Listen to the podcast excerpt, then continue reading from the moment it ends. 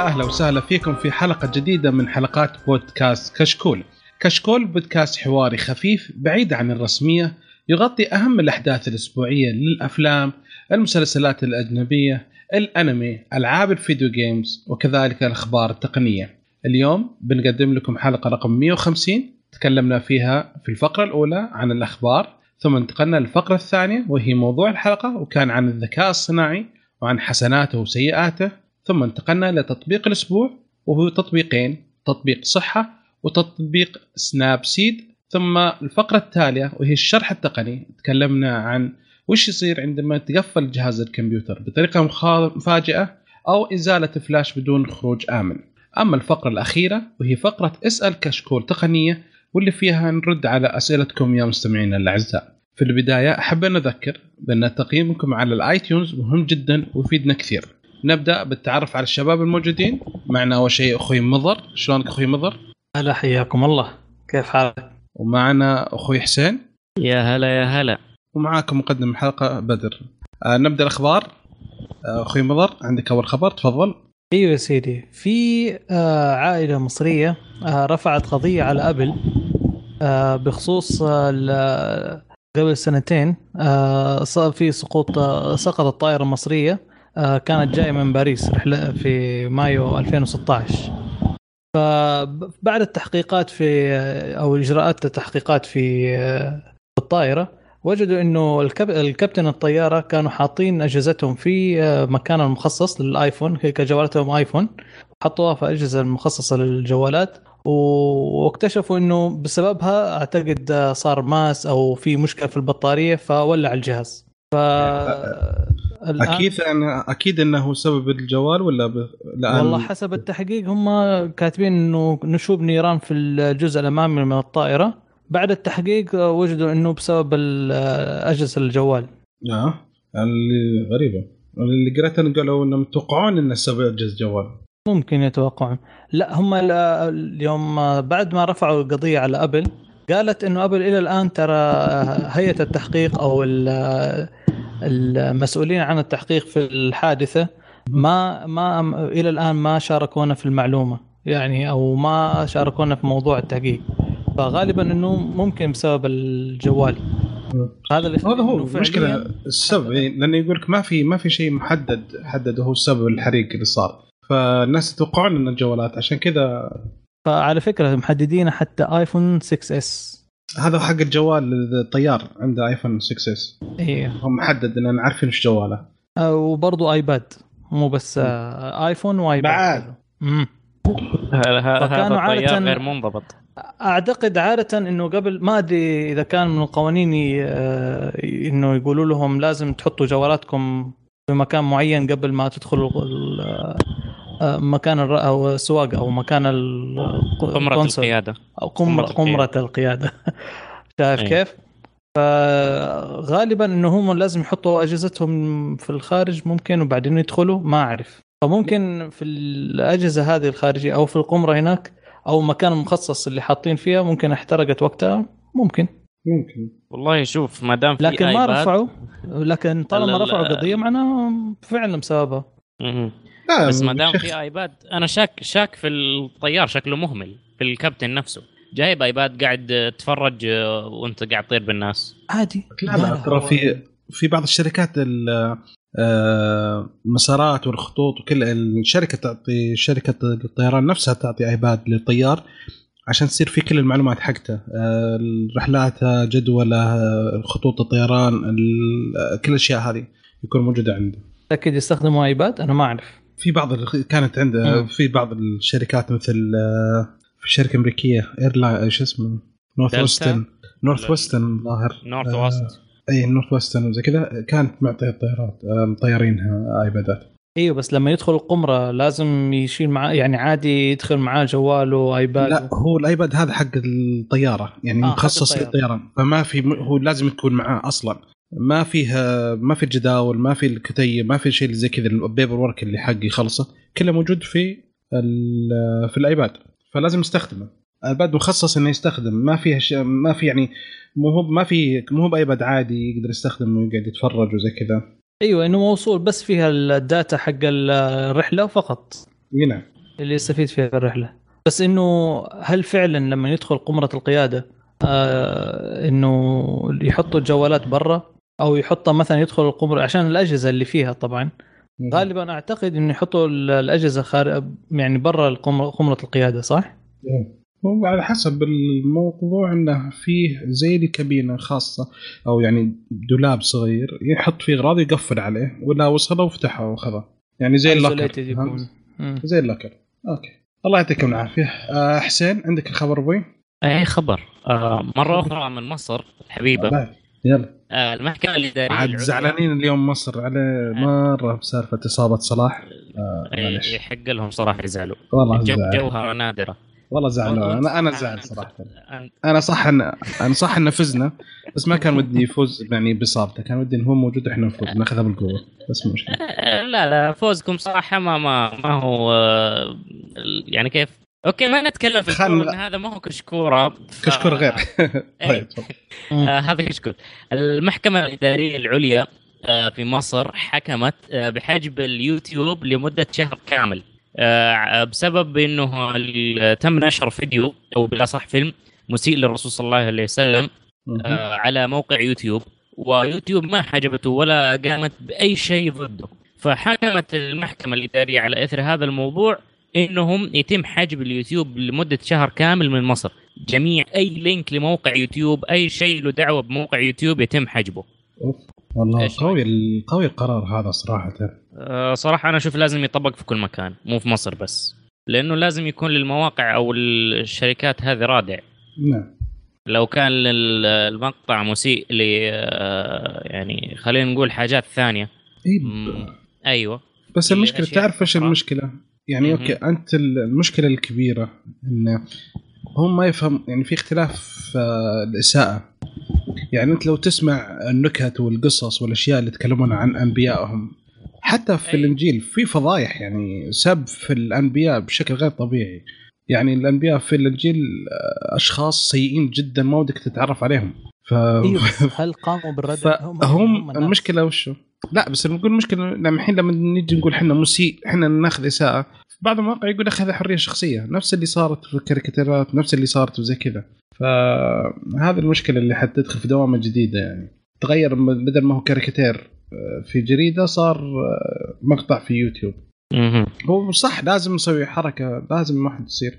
ف بس خلي بعد بكرة عشان خلص نشوف مقاطع الأهداف بعدين حق المباراه بعدين بعدين نقاطع يوتيوب والله شوف آه عادي استخدم ال VPN وخش على اليوتيوب. لا استغفر الله. لا لا أنا قصدي إيش؟ آه إنه فرق النقد عندهم عن عندنا. يعني آه على سبيل المثال دحين أنت لما تخش تشوف حلقة عادية جدا من آه مسلسل فاميلي جاي تمام؟ أو آه رجل العائلة لتوضيح. آه هذا المسلسل كمية الطقطقه اللي فيه يطقطق على أي شيء. يطقطق ما عنده شيء ما عنده شيء أيوه. ما عنده خطوط حمراء. أيوه. يطقطق على جيسس على المسيحيين بشكل عام يطقطق على اليهود. أحيانا على بعض الحاجات يجيبوا كم واحد كذا مسلم بس عشان يكسبوا مشاهدة من من جانب المسلمين. لأنه فعليا بس طقطقتهم على المسلمين ترى مرة حذرة ما, ما, ما ياخذ راحته زي ما ياخذ مع اليهود. آه الموضوع عندهم آه في حدود. تمام؟ حدهم مرتفع حدنا قليل جدا. يعني إحنا بمجرد أي إساءة أو أو كانت يعني كيف شيء بسيط جدا هذا تعتبر إساءة. وأنا مقتنع بهذا الشيء. لأنه الأنبياء رموز دينية لا يجب الإساءة لها بأي شكل من الأشكال. عندهم لا عندهم لا. في أنواع إساءات بعدين يخش على لا هذه إساءة. اللي تحت هذا استهزاء عادي لا. اللي فوق لا هذه إساءة. لا. الموضوع عندنا مختلف. أي كلها إساءات وكلها لابد أن تعاقب وتجرم.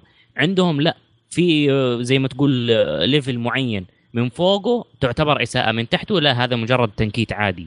فهذا الفرق اللي بيننا وبينهم لازم يعرفوا هذا الشيء ويخلوه في ال... يخلوه في برمجيتهم الأساسية للموقع اليوتيوب. بأنه فيديو زي كذا ما ينفع ينعرض لدول مسلمة. خلاص خليه block هنا وخليه متاح هنا أو شيله من الأساس وانتهى الموضوع. هو في زر طبعا أعتقد الواحد يسوي له flag وإنه offensive صح؟ أيوه موجود وليه ما تفعل هذه معاها طيب؟ لأنه ما في ما كمية تفاعلوا ناس معه؟ كبيرة ما في كمية ناس كبيرة خشت على الفيديو وسوت عليه فلاج هذا. على إنه مهين أو شيء زي كذا هم ما يبغون بعد نفس الشيء لو خليت كذا حي الناس حتدخل أكثر وحيصير ارتفاع أكثر ويصير ال- عدد مشاهده أكثر أعلى. كل ما تجي. تسوي اساءه حيدخل إنه عدد مشاهدة كل ما تبغى تدخل تسوي يدخل مشاهدة فهمت؟ لذلك آه. آه.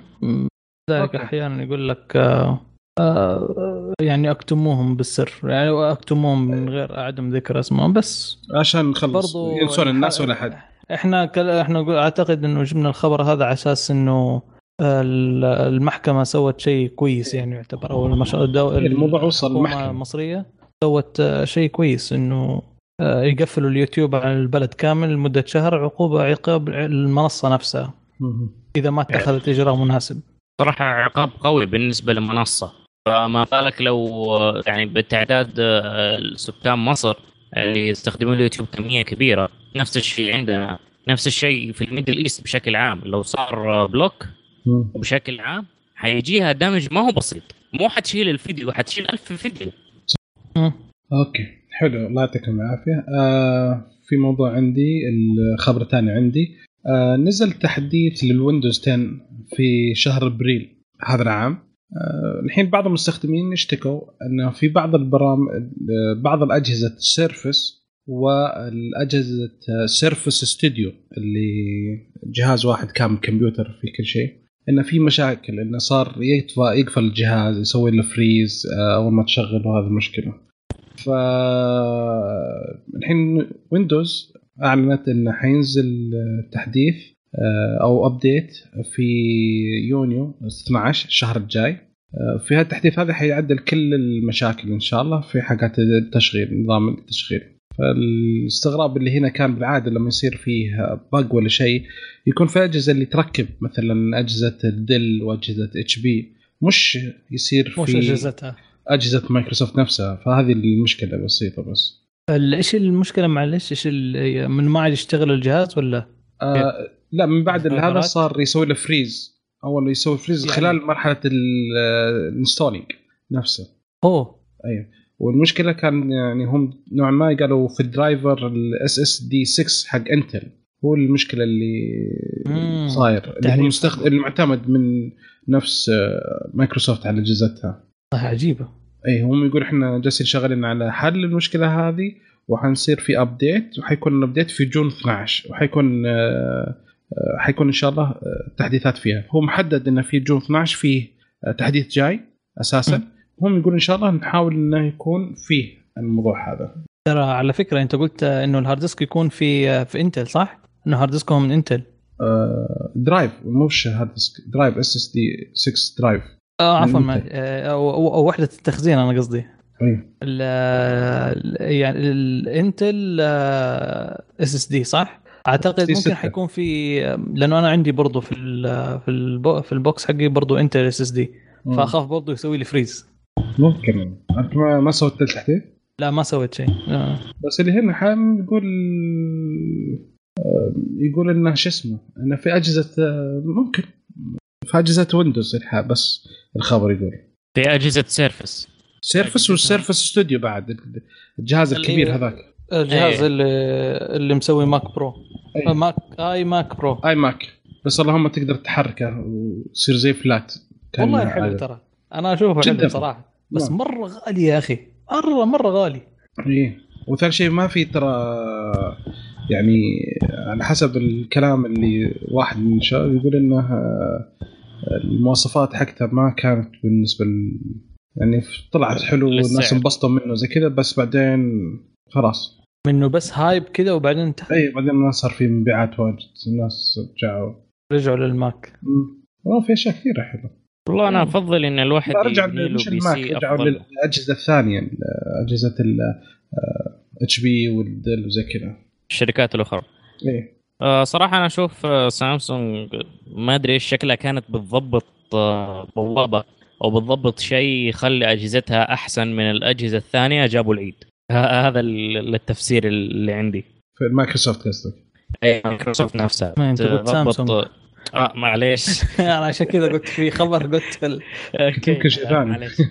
آه، والله. كنت أفكر في السحور آه، المهم آه شكل مايكروسوفت آه بتضبط ميزة إضافية لأجهزتها مست... بت... بتنزلها مستقبلا. فبدل ما تضبط ميزة شكلها جابت العيد ما دام بس على الرقاقه اللي تستخدمها هي في أجهزتها فمعناته الموضوع كذا بتنزل شكل ميزة حقيقية مستقبلا بس جابت العيد ما سمعت معلش معلش حسين ترى صوتك مرة يقطع. أفا. إيه. تسمعوني الآن؟ أسمعك ش- شوية تمشي بعدين شوية تروح. ف على ما يبدو إن مايكروسوفت بتضبط آه لا لسه حسين. حسين حسين حاول حاول تجرب مرة ثانية معليش. أوكي آه، اعطوني شوية وقت. طيب خذ راحتك. آه مضر ناخذ معك موضوع ولا؟ يا. اي عندي. طيب تفضل آه في فيسبوك آه قلنا قبل آه تقريبا ثلاثة أسابيع آه جبنا خبر موضوع فيسبوك إنه تبغى تشوف آه تدور على التطبيقات اللي هي تعمل sharing في آه اللي تستخدم إساءة أو فيها إساءة لاستخدام بيان- بيانات الع- العملاء أو ال users. فدحين قالت إنه قامت إلى الآن تقريبا عملت block أو حذفت فوق 200 تطبيق.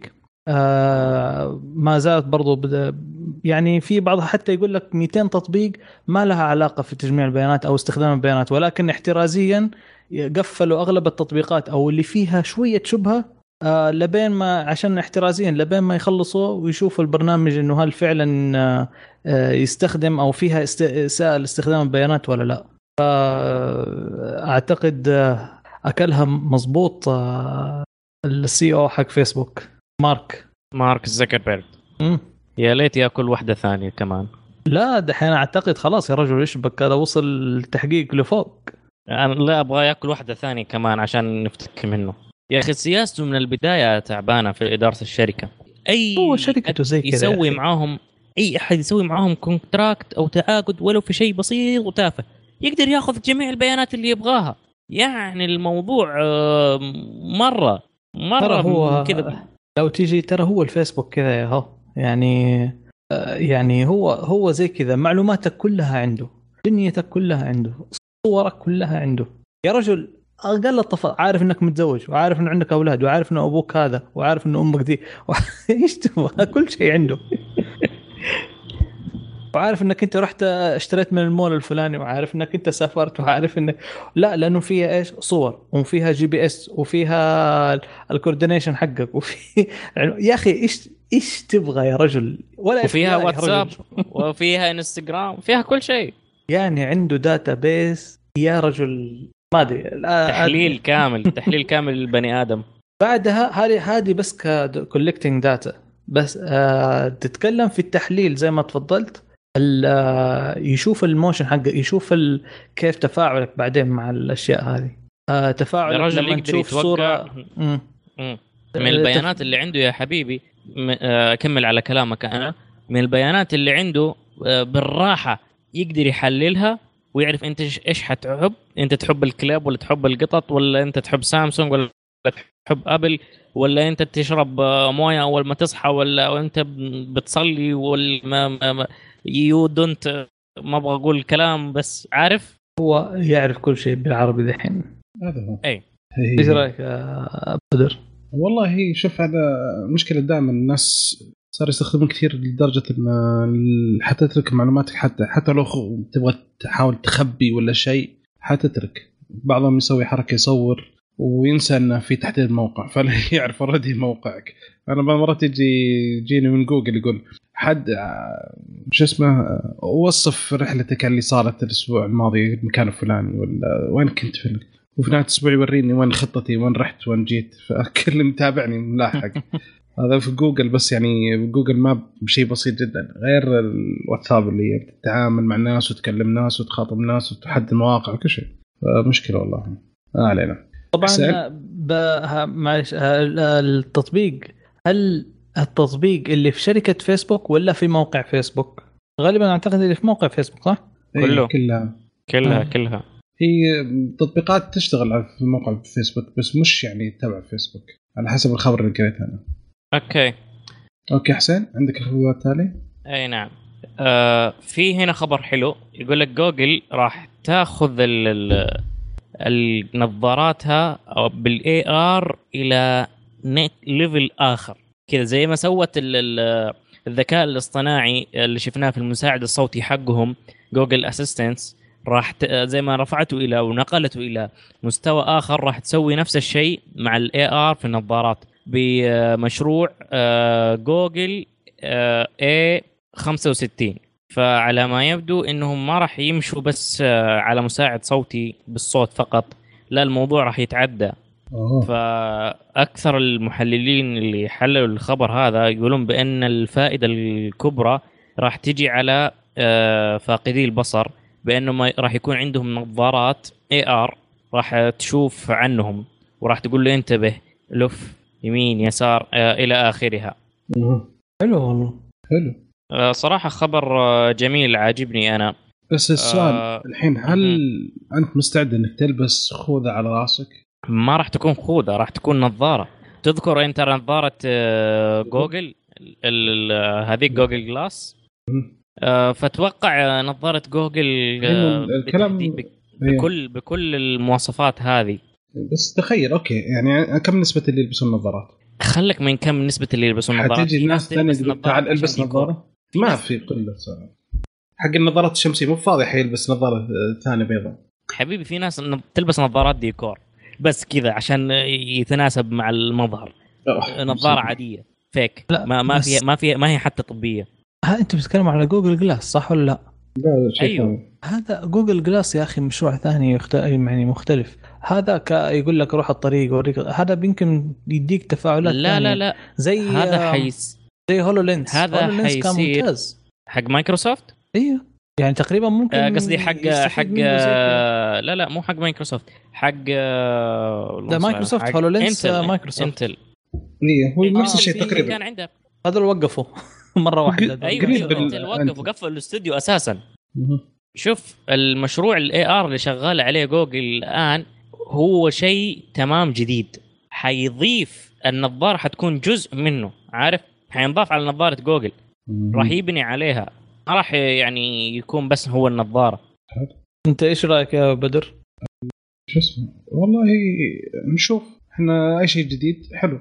حيفيدنا التقنية الحالية فيهم يعني ال limitation فيها حدود كثيرة. حقت ال AR ال AR augmented reality.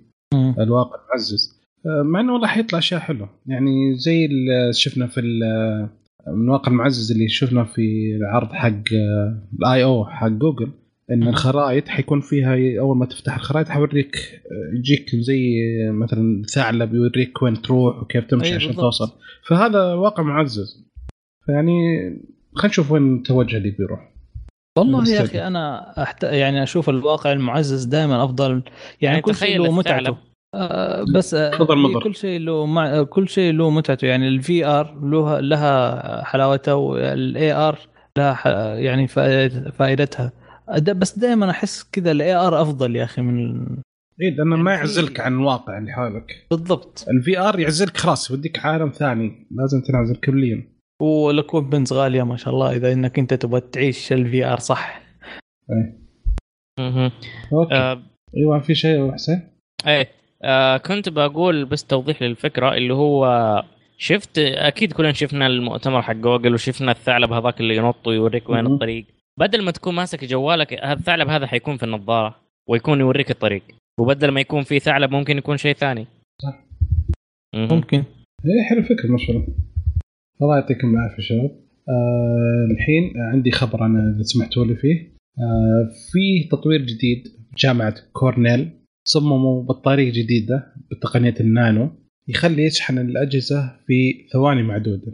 ليش؟ لأن غيروا التصميم الأساس حق البطارية، البطارية في جهة آه، موجبة وفي جهة سالبة وبينهم حاجز عشان لا لا يصير فيه آه، التماس بين الجهتين ويصير حريق.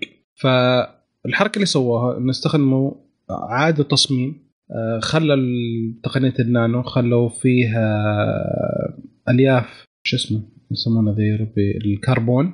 أوه. ويصير هو اللي آه، فيه اللي مو... يصير فيه ال- الموجب. ورقائق الكربون بحجم 40 نانومتر. ويصير بينه الفاصل بين الموجب والسالب بسماكة 10 نانومتر وبدون ثقوب. فخلوا كذا صار فيه الكهرباء أسرع في الانتقال الشحن أسرع آه، استخدام الكمية اللي يأخذ الشحن فيها أكثر. فهذه تختلف شوية عن الطريقة حقت ال- البطارية اللي شغاله عليها سامسونج اللي هو عبارة عن آه، نسيت والله شو اسمه. هو نفس الكربون بس مو كربون نفس الكربون عادي. كان graphite؟ graphite. إي بالضبط الله يجزاه خير جرافايت. فهناك. okay؟ أوه آه، سامسونج دحين استخدمت الجرافايت أو الجرافيت لا شغال على البطارية فيها جرافايت بس هذيك تعطيك حجم أصغر في كفاءة 150% يعني يصغر ال- البطارية تصغر تقريبا 30% بس ال- ال capacity أو السعة زادت 150% هنا غيروا تصميم كامل التصميم نفسه خلوه فصار نزل كثير جدا وصار يشحن بسرعة جدا في خلال خمسة ثواني.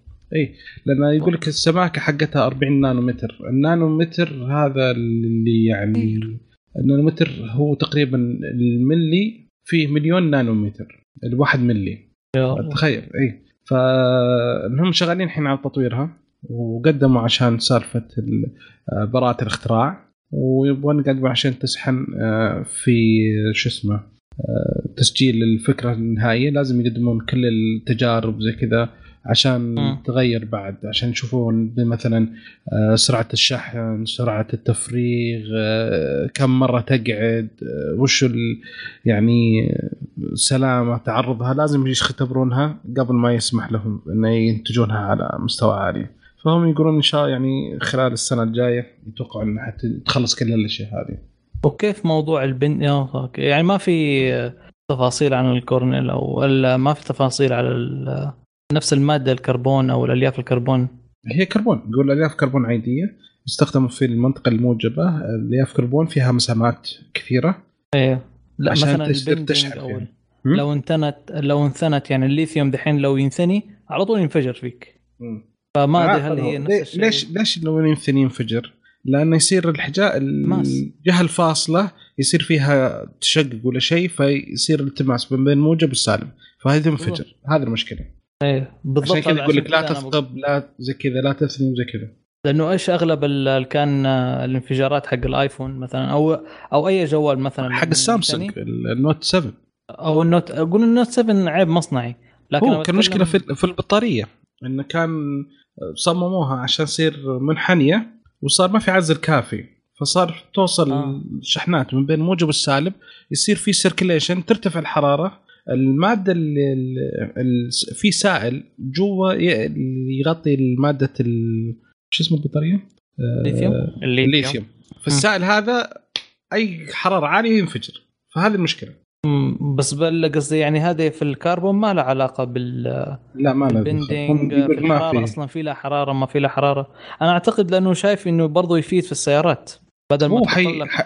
التقنيه هذه يعني تخيل في السيارات في الطيارات مثلا ال- الحين هم شغالين على ال drones وفي كل شيء فحتى الطائرات يمكن تستخدم بطاريات في الدرون في التنقل البسيط يعني في مجال كبير حيسوي غير سالفة الجوالات. غير سالفة الجوالات. بس حجمه صغير عارف؟ إي إي. يلا. يعين. طيب عطنا قلنا التنقل ما التنقل يا مضر عطنا خبر اللي عندك يا سيدي في أعتقد آه، شركة صينية آه، جابوا موضوع ال- ال- الطي... ال- طريقة طيران أو طريقة وسيلة نقل جديدة آه، اللي هي عن طريق الطيارات.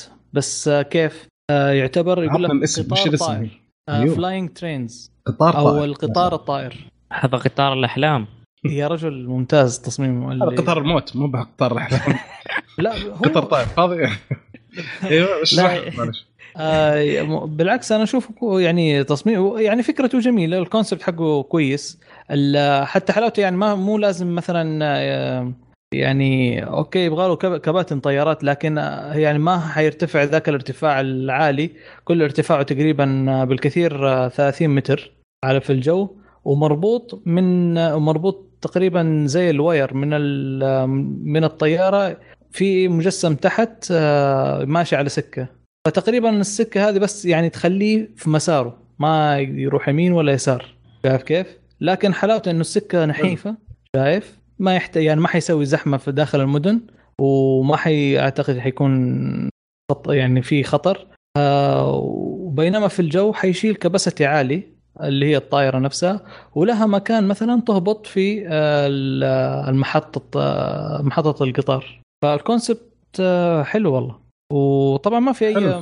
يعني ما في أي معلومات عنها إنه كم يستحمل كم آه، كم العدد اللي فيها. بس أنا شايف من الكونسبت إنه عدد كبير يعني.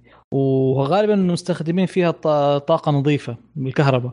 حلو والله الفكرة. بس يبغى أنا. أشوف إن هذا المشروع حيفشل حيلحق آه، قطار الصين. تذكروا الصين أطلقوا قطار السيارات تخش من تحته؟ أو باص باص باص صح؟ باص السيارات تخش من تحته؟ إيه. فعليا ما لاقى هذاك النجاح. أحس هذا بيصير آه، مو زيه يمكن أسوأ منه. لا هذا ماشي بسرعة. هذا لأنه شوف القطار اللي أو الباص هذاك اللي ماشي في وسط المدينة عنده زحمة وممكن في ناس تقطع الشارع بالغلط وفي يعني يبغى لك سكة معينة. هذا ما عندك هذا ماشي في الجو. ما في إلا اللهم ماشي على ترين هو ماشي على سكة فعليا. عشان تخيل شكل كأنه واحد بزر ما يركض وراه منظر طائرة آه، طي... ورقية. أيوه أيوه ورا طائرة هذا هو. يعني تقابل آه، ممكن في مبنى ممكن في هواء ممكن آه، في واحد يطلع قدام البزر آه، عارف قصدي قدام ال- ال wire حق السكة الحديدية حق ال train هذه. وترى ال capacity حقه عالي يعني حاطين في ال concept هنا ثلاثة أدوار. الدور الواحد ما شاء الله مستوعب آه، عدد وقدره يعني. بس آه، ما أدري ما أشوف والله كويس. يعني هو مشروع يعني لو لو شافوا فيه هذا يعني شافوا فيه أشياء آه، فيها أخطاء أو فيها ما أنا ما أدري إذا يطير بالشكل هذا. أنا شايف كأنه Gran Grand Theft Auto يا رجل. عرفت؟ آه، لو يعني نشوفه في الحقيقة زي ما شفناه في الباص حق الصين اللي سووه في الحقيقة ممكن يعني يطلعوا حاجة كويسة ترى. بالعكس أنا متفائل فيها والله ممتازة. والله انتظر مدينة مجنونة تنفذه. آه، هو دحين الكلام في اللفات لما يلف. دحين هم مو جايبين إلا ماشي سيدة بس. إيه هذا شوف شيء شيء بالتجربة حيطلع تطلع على ال- ال bugs حقت التصميم. okay حسين عندك خبر؟ مايكروسوفت؟ آه عندي خبر لمايكروسوفت. آه مايكروسوفت تطور آه الآلات المح... أو آه تعلم الآلة أو محاكاة الآلة اللي عندها على أساس تطور المساعد الشخصي حقها. فعلى ما يبدو إنه فعلا آه قد كلمتهم اللي قلناها قدام فترة آه تقريبا كان في الحلقة الماضية صححوني إذا أنا غلطان اللي هو قالوا بأنه آه، حياخذوا كورتانا إلى مستوى آخر. هم شغالين على كلمة مستوى آخر سي أو هذه الفترة ما أدري ليش. فعلى ما يبدو إنهم فعلا قد كلمتهم وشغالين إذا خشوا على تعلم الآلة وإن آه، كورتانا حيبقى يتعلم ويتعلم منك. يعني في البداية يكون زي ال baby وبعدين كذا ياخذ عليك ياخذ على الكلمات ياخذ على ال- الاختصارات حقك ياخذ على الطرق اللي إيش تبغاها. أنت لما تفك الجهاز إيش تسوي؟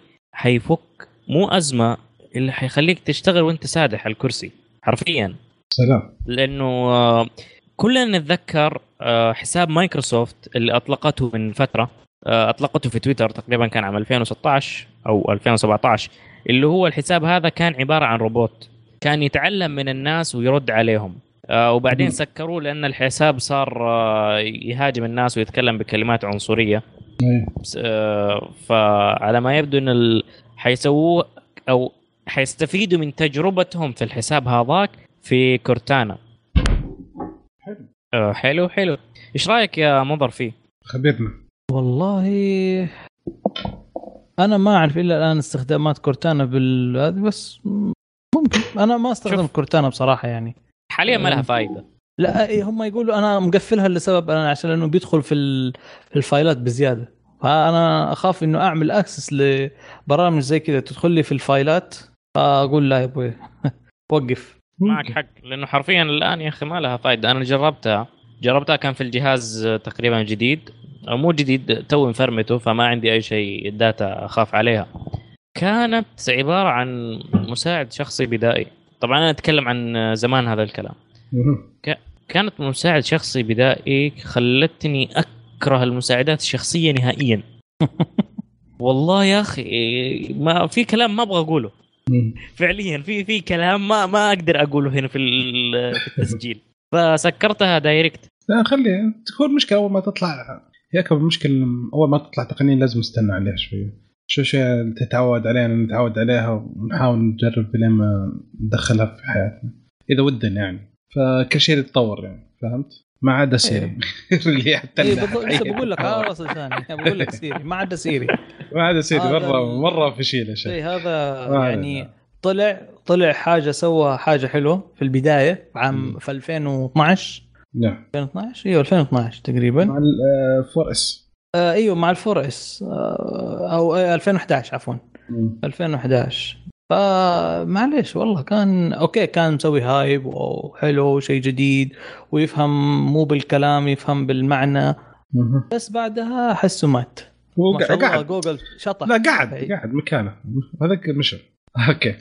alright الخبر اللي بعده آه، حلوين. آه، سنة 2016 أعلنت فيسبوك أنها تبغى تسوي مشروع آه، عشان تحسين جودة ال routers والأجهزة اللاسلكية.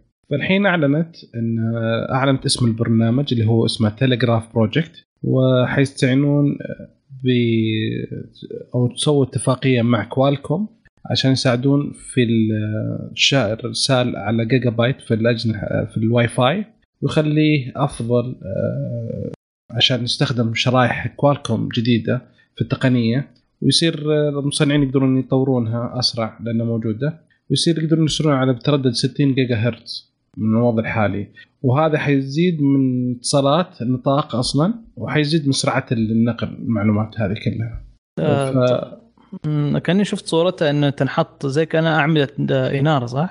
إي حيصير آه آه هم لأن إيش حاليا لأن هم يبغون يسوون بعد يبغون كوالكوم بما انها شغاله على ال 5G اللي تكلمنا عنه الأسبوع الماضي. فالهدف إنه يبغون يخلونها بعد آه تندمج يعني التقنية تكون مستوحاة أو مدموجة مع التقنية حقت ال Terragraph فحتصير بعد تساعد على نقل البيانات إلى ال routers ومن الراوتر إلى الأجهزة بسرعة عن طريق بعد ال 5G فهمت؟ ف يعني كوالكوم تبغى تسوي هم الاتفاق إنه من الراوتر إلى الأجهزة آه، كوالكوم تبغى بعد تبغى تخليها من ال tower نفسه نفس السرعة حيصير كأن سرعة سرعة البيانات انتقالها في ال 5G توصل إلى الراوتر نفس السرعة ما يحتاج الراوتر يسوي لها downgrade عشانه okay فهذا بس. الفكرة اللي هي أساسية. بس يعني بالع... يعني أعتقد آه شوف الب... ال public Wi-Fi يمكن إحنا ما عندنا زي كذا. لكن أتذكر في ناس كانوا يقولوا لنا أو في لما كنا نقرأ لما تشبك على ال public Wi-Fi لازم يكون عندك VPN فأعتقد أعتقد دحين 24 ساعة لازم تشبك على ال VPN لأنه يقول لك secure لك أنت. اي يا أخي أنا أخاف من موضوع ال public Wi-Fi لما لا هو لا هو ما يتكلمون عن public Wi-Fi حبيبي. هذا مو wireless هو يتكلمون عن واي ال routers اللي موجودة في البيت. آه بس شفت الراوتر الحين موجود في البيت؟ أيوه. okay. هم يبغون يسوون طريقة تقنية جديدة إنه يخلي يرسلون يبثون على 60 60 جيجا هرتز آه بس كذا آه أيوه. okay. لأني أنا شفتها على خارج. اي كوالكوم هي وش تبغى تسوي بعد؟ تبغى إنه الخطوة الثانية إنه تبغى تخلي مباشرة من أبراج ال 5G إلى الراوتر تجي نفس السرعة بعد. تخلي الراوتر نفسه يستقبل من أبراج. مو بلازم. يستقبل من ألياف وزي كذا. فهذه الخطوة الثانية عندهم تتوقع هي تكون أسرع من الألياف؟ هي تكون كويسة كذا أعتقد. هم يكون نفس السرعة يعني ذيك اللي شفناها خلاص ممتاز. إيه. okay. الحين عندك خبر يا مضل وعندي خبر آه، حينبسطوا فيها حقون حقون الماك آه، أو أصحاب الماك اللي ما يقدروا يح- يحدثوا خاصه اللي عندهم MacBook Pro اللابتوبات. ففي شر- شركة Razer آه، معروفة في ال gaming أو ال- الأجهزة ال- ال- عندهم أجهزة يعني بموضوع ال- ال gaming وال وهاي اللي يسموها ال high-end devices طلعت آه، جهاز ما أدري إذا يسموه workstation أعتقد آه، أو جهاز آه، اللي يسموه eGPU جهاز آه، كرت خار... آه، كرت شاشة خارجي تقدر تشبك عن طريق ال Thunderbolt 3 حلو آه، لل Mac فيصير عندك أنت بدل ما تستخدم ال GPU عندك مثلا صار قديم 2 جيجا فهذا حاطين لك آه، اثنين Titan X GTX Nvidia. GTX Titan X. الوحدة أعتقد فيها Titan X آه، أعتقد 6 6 جيجا أو 8 جيجا. فحيكون أعتقد عندك حيكون 16 جيجا. سلام خارجي. ولازم يكون طبعا Thunderbolt اللي هو 3 آه، طبعا ال- آه، ال wattage حقها حيكون 500 آه، واط. آه، وعن طريق ال USB-C أعتقد يتحمل الشيء هذا صح؟ ما أدري صححني تقريبا تقريبا. ال US B-C يتحمل. بس إيه، ما أعرف. هل هل يمديني أغير ال GPU ولا ممكن أحط لا والله هنا كاتبين إنه ممكن. لا لا. أعتقد. لا إلا الجي بي تغير U؟ يمكن. تغير يعني بث... يعني لازم أستخدم Nvidia ولا لازم أستخدم أي GPU؟ يعني ممكن أبغى AMD مثلا. لا لا. أتوقع Nvidia بس. فقط Nvidia؟ ما أنا شايف إن هنا غالبا حاطين Nvidia و Quadro أو حتى يمديك Quadro مو شرط GTX. أها آه. في- يا ال GeForce يا ال يا ال Quadro أو ال AMD XConnect أها ما هو مربوط بمعمارية معينة؟ ما أنا لاحظت إنه ما هي مربوطة بمعمارية معينة. حلو. لو ينزلوه لل لل لل Windows على ال USB 3 أنا حأشتري. هو غالبا طب هو انت وليش ما تشيل الشريحة؟ عندك وتركب آه، كرت عادي؟ ليش تبغى external GPU؟ ليش ما تركب GPU عادي؟ هي المشكلة في ال Mac هي مشكله في ال Mac لأن ال Mac built-in أي آه، هذا بس ممكن يبغى يسوي برا خارجي يريح مخه لا هو قصده يمكن آه، حسين قصده على اللابتوب حقه حق لا, لا أنا. قصدي على أيوه أنا قصدي آه، مستخدمي ال- ال gaming laptop تمام آه. اللي على المايكروسوفت أو بالأصح ال gaming laptop بشكل عام عندنا مشكلة اللي هو ما تقدر تغير كرت الشاشة خلاص طيب. في يصير حل حل أنا عندي حل. بيع اللابتوب واشتري أي Mac وتعال اشتري ركب عليه اللي هي اللي بتجيبه أجمع خارجي. PC ارخص أجمع PC ارخص يا شيخ. بس على فكرة ما ذكرنا سعره. هذا السعر ترى طبعا اللي يسأل عن س- ال- اللي يسأل عن سعره طبعا ال- اسمه آه، ما كنت إكس اي جي بي يو أو Core X eGPU بسعره 300 دولار أو 299 قبل الضريبة. مع ال- حلوة قبل الضريبة. إي هذا آه آه يجي مع كرت الشاشة ولا بدون؟ تقريبا شكله يجي بدون كرت شاشة. لا يجي بكرت لا هو كرت شاشة صح. لا لا هو بكرت شاشة. كرت شاشة واحدة أعتقد بس. اللي أعتقد يجي بكرت شاشة واحدة بس. عشان ما أفتي ما بصراحة ما أدري لكن أتذكر إنه يجي. أما البوكس ب 300 وحاجة يا رجل.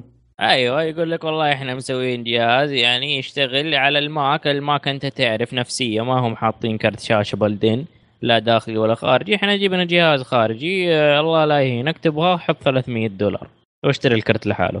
الله يا شيخ ما أعتقد لا مستحيل والله ما هي بعيدة في حقين Mac وحقين Apple والله يسووها، والله ما هي بعيدة. والله يسوون فيهم كذا وأكثر. على فكرة ترى فيها ث- ثلاث سلوتات آه، حسب ما بقرأ يعني بس غريبه يا أخي معقول يكفي الجهاز؟ ممكن نشوفه. أوكي الله يعطيك العافية. حسين عندك خبر أبوي؟ عندنا خبر ولا زالت التسريبات يا عزيزي مستمرة.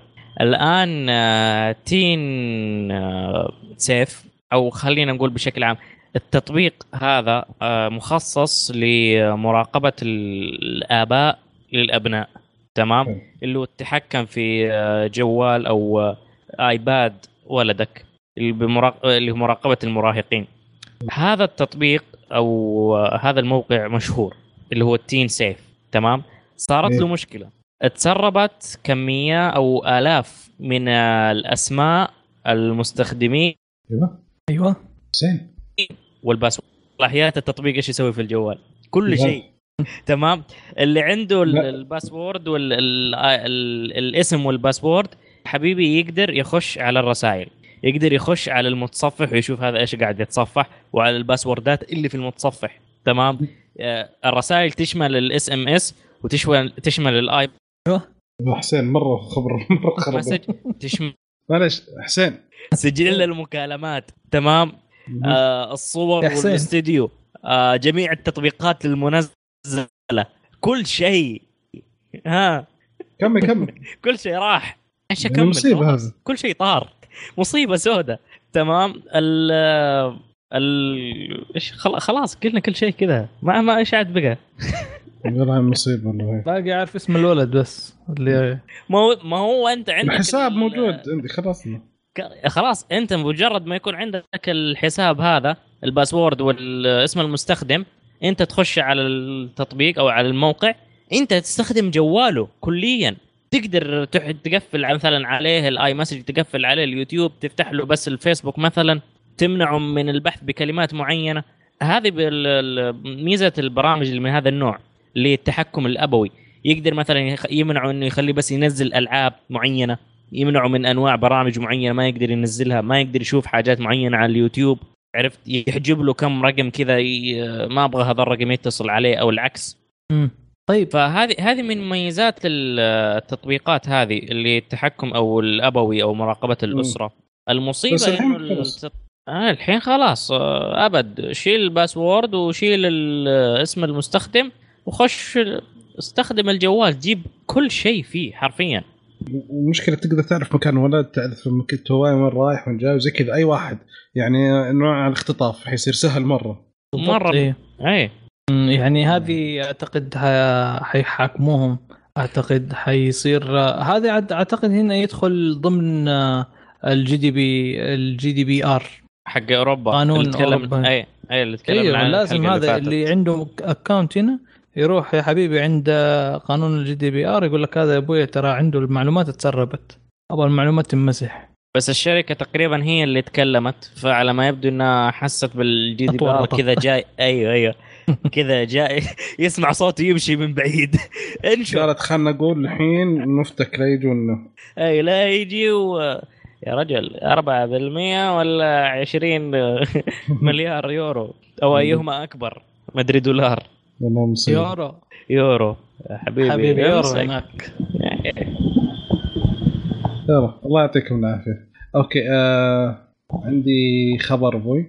بما أن تكلمت اول عن سالفة البطاريات بتقنيه النانو آه فيه آه فريق فرنسي آه، مخصص للروبوتات الدقيقة في معهد ترى هذا اسمه لا تحسبون إني جوعان اسمه فيمتو للعلوم التقنية في فرنسا. عندها ها؟ الفيمتو واحدة أنا أعرف. لا. تقنيه الفيمتو لا هذا شركه هذا مؤسسه مدري شو اسمه. إيه. هذا معهد أوكي؟ هو مسؤول عن تقنية النانو البصرية. ف الحين سووا حركة عشان يورون حركاتهم. فبنوا بيت صغير بطريقة النانو. دقة مم. البيت هذا 10 نانومتر. ونحن زي ما قلنا أول انها العشرة إن الملي في مليون نانو. فهم بانين بيت؟ ارتفاعه 10 مت... 10 نانو ها؟ 10 نانو. والله لا. يضيق علينا يا رجل. فالمج... وشو أول شيء ارسلوا يعني سووا جهاز أجهزة آه، وسووا بعد آه، نظام حق الغاز عشان يبني وروبوت صغير عشان يسد الفراغات. فيعني مسوين مشكلة. واستخدموا مجهر عشان يشوفون الآلات تشتغل هذه تقنية نانو. الهدف إنه يعني فرد عضلات وثاني شيء عشان يسوون إنه مثلا يقدرون مثلا لو فيه آه، في تقنية هم يعني محتاج لو مثلا في أحد الأوردة أو أحد الشرايين إنه صار في جرح كبير أو زي كذا فإنه يقدر آه، يسوون ذا يقفل ويحط ويسوي يعني ح- أنظمة فيها عشان مثلا في آه، كشف وفي. الطب يعني فيعني جدا يعني أنا أي. ممكن أقول لك يسوي روبوت آه، يدخل جوا الشعيرات. أيوة. والاوعيه الدمويه بس مو كلام بس يدخل جوا مم. مثلا حتى الشعر يقدر يصير روبوت داخل الشعر فهذا too much يعني ح- حلوة وتخوف إيه، ما- تنفع في مصير. زراعة شعر في فيلم آه. قديم جدا كانوا مصغروا غواصة فيها ناس ودخلوها في جسم البشر عشان يحلون المشكلة بعدين قال لازم نطلع قبل ما تكبر فهذا يسوي الروبوتات جاهزة ما يحتاج يصغرون ولا شيء والله حلو يا أخي بس تخوف يا أخي في نفس الوقت. أوكي. أوكي. طيب تعطيني خبر يا ال- أنا اليوم مع قضايا أبل. ما أدري أنا أحب أبل ولا ضدها اليوم ماني ما عارف أدري ما أدري شو آه، قبل شوية تكلمنا عن قضية في بالنسبة للطيارة عندهم أو قضية ال... الحين في قضية جديدة بسبب لوحة مفاتيح طبعا تكلمنا قبل عن موضوع لوحة المفاتيح لكن الآن رفعوا قضية ثانية. في أمريكا موقعة أكثر من 27 ألف شخص. آه، إنه عندهم كلهم نفس المشكلة. آه، ان ال keyboard الجديد اللي هو butterfly إنه بيدخل فيها غبار. فيقول لك أبل عارفة إنه عنده. إنه هذه المشكلة موجودة وما قالوا شيء وبل بل بالعكس آه، قالوا إنه كيف طريقة تنظيفها. آه، وبس قالوا تجيب air compressor وتنظف وهذه بس. فالناس ما وافقت على الشيء هذا فرفعوا قضية وفي معروض آه، وقعوا فيها 27 ألف شخص آه، بإنه إيجاد حل لل- لمشكلة الغبار هذا. إنه ما يدخل تحت. والله ما أدري يعني هذا يعتبر عيب تصميمي في نعم. ال butterfly ترى على فكرة في butterfly وفي butterfly 2 في two designs نزل. أوه. إيه. فهو مو هم مو ذاكرين دحين إيش ال butterfly هم كاتبين butterfly وبس. هو القديم الجديد ما نعرف لكن غالبا أعتقد القديم. إنه ال butterfly 2 أعتقد عدلوها موضوع شو اسمه عدلوا موضوع ال- الغبار وكذا. لكن لكن في مواقع ثانية قالوا لا برضو ال butterfly بجميع أنواعها. من أول ما نزلوها من عام 2016 أعتقد أو 15 إلى الآن. نفس. ال- اللي هو ميزة ال butterfly آه، يقول لك عندها مشكلة في موضوع ال- آه، ال clicking يعلق يهنق أحيانا يصلب ما ما ينزل. شايف كيف؟ يقول لك إنه لازم تحاول إنه دائما إيش؟ آه، تحاول تنظفه بس بالاير كومبريسور وانتهى الموضوع وينحل معك المشكلة. إحنا عندنا يبغى لك كل ثلاث ساعات تسوي air compressor في هالغبار اللي عندنا بالضبط. إحنا ما الح... بالضبط. عندهم في مشكلة إحنا عجاج كل الوقت. الحمد لله على كل حال.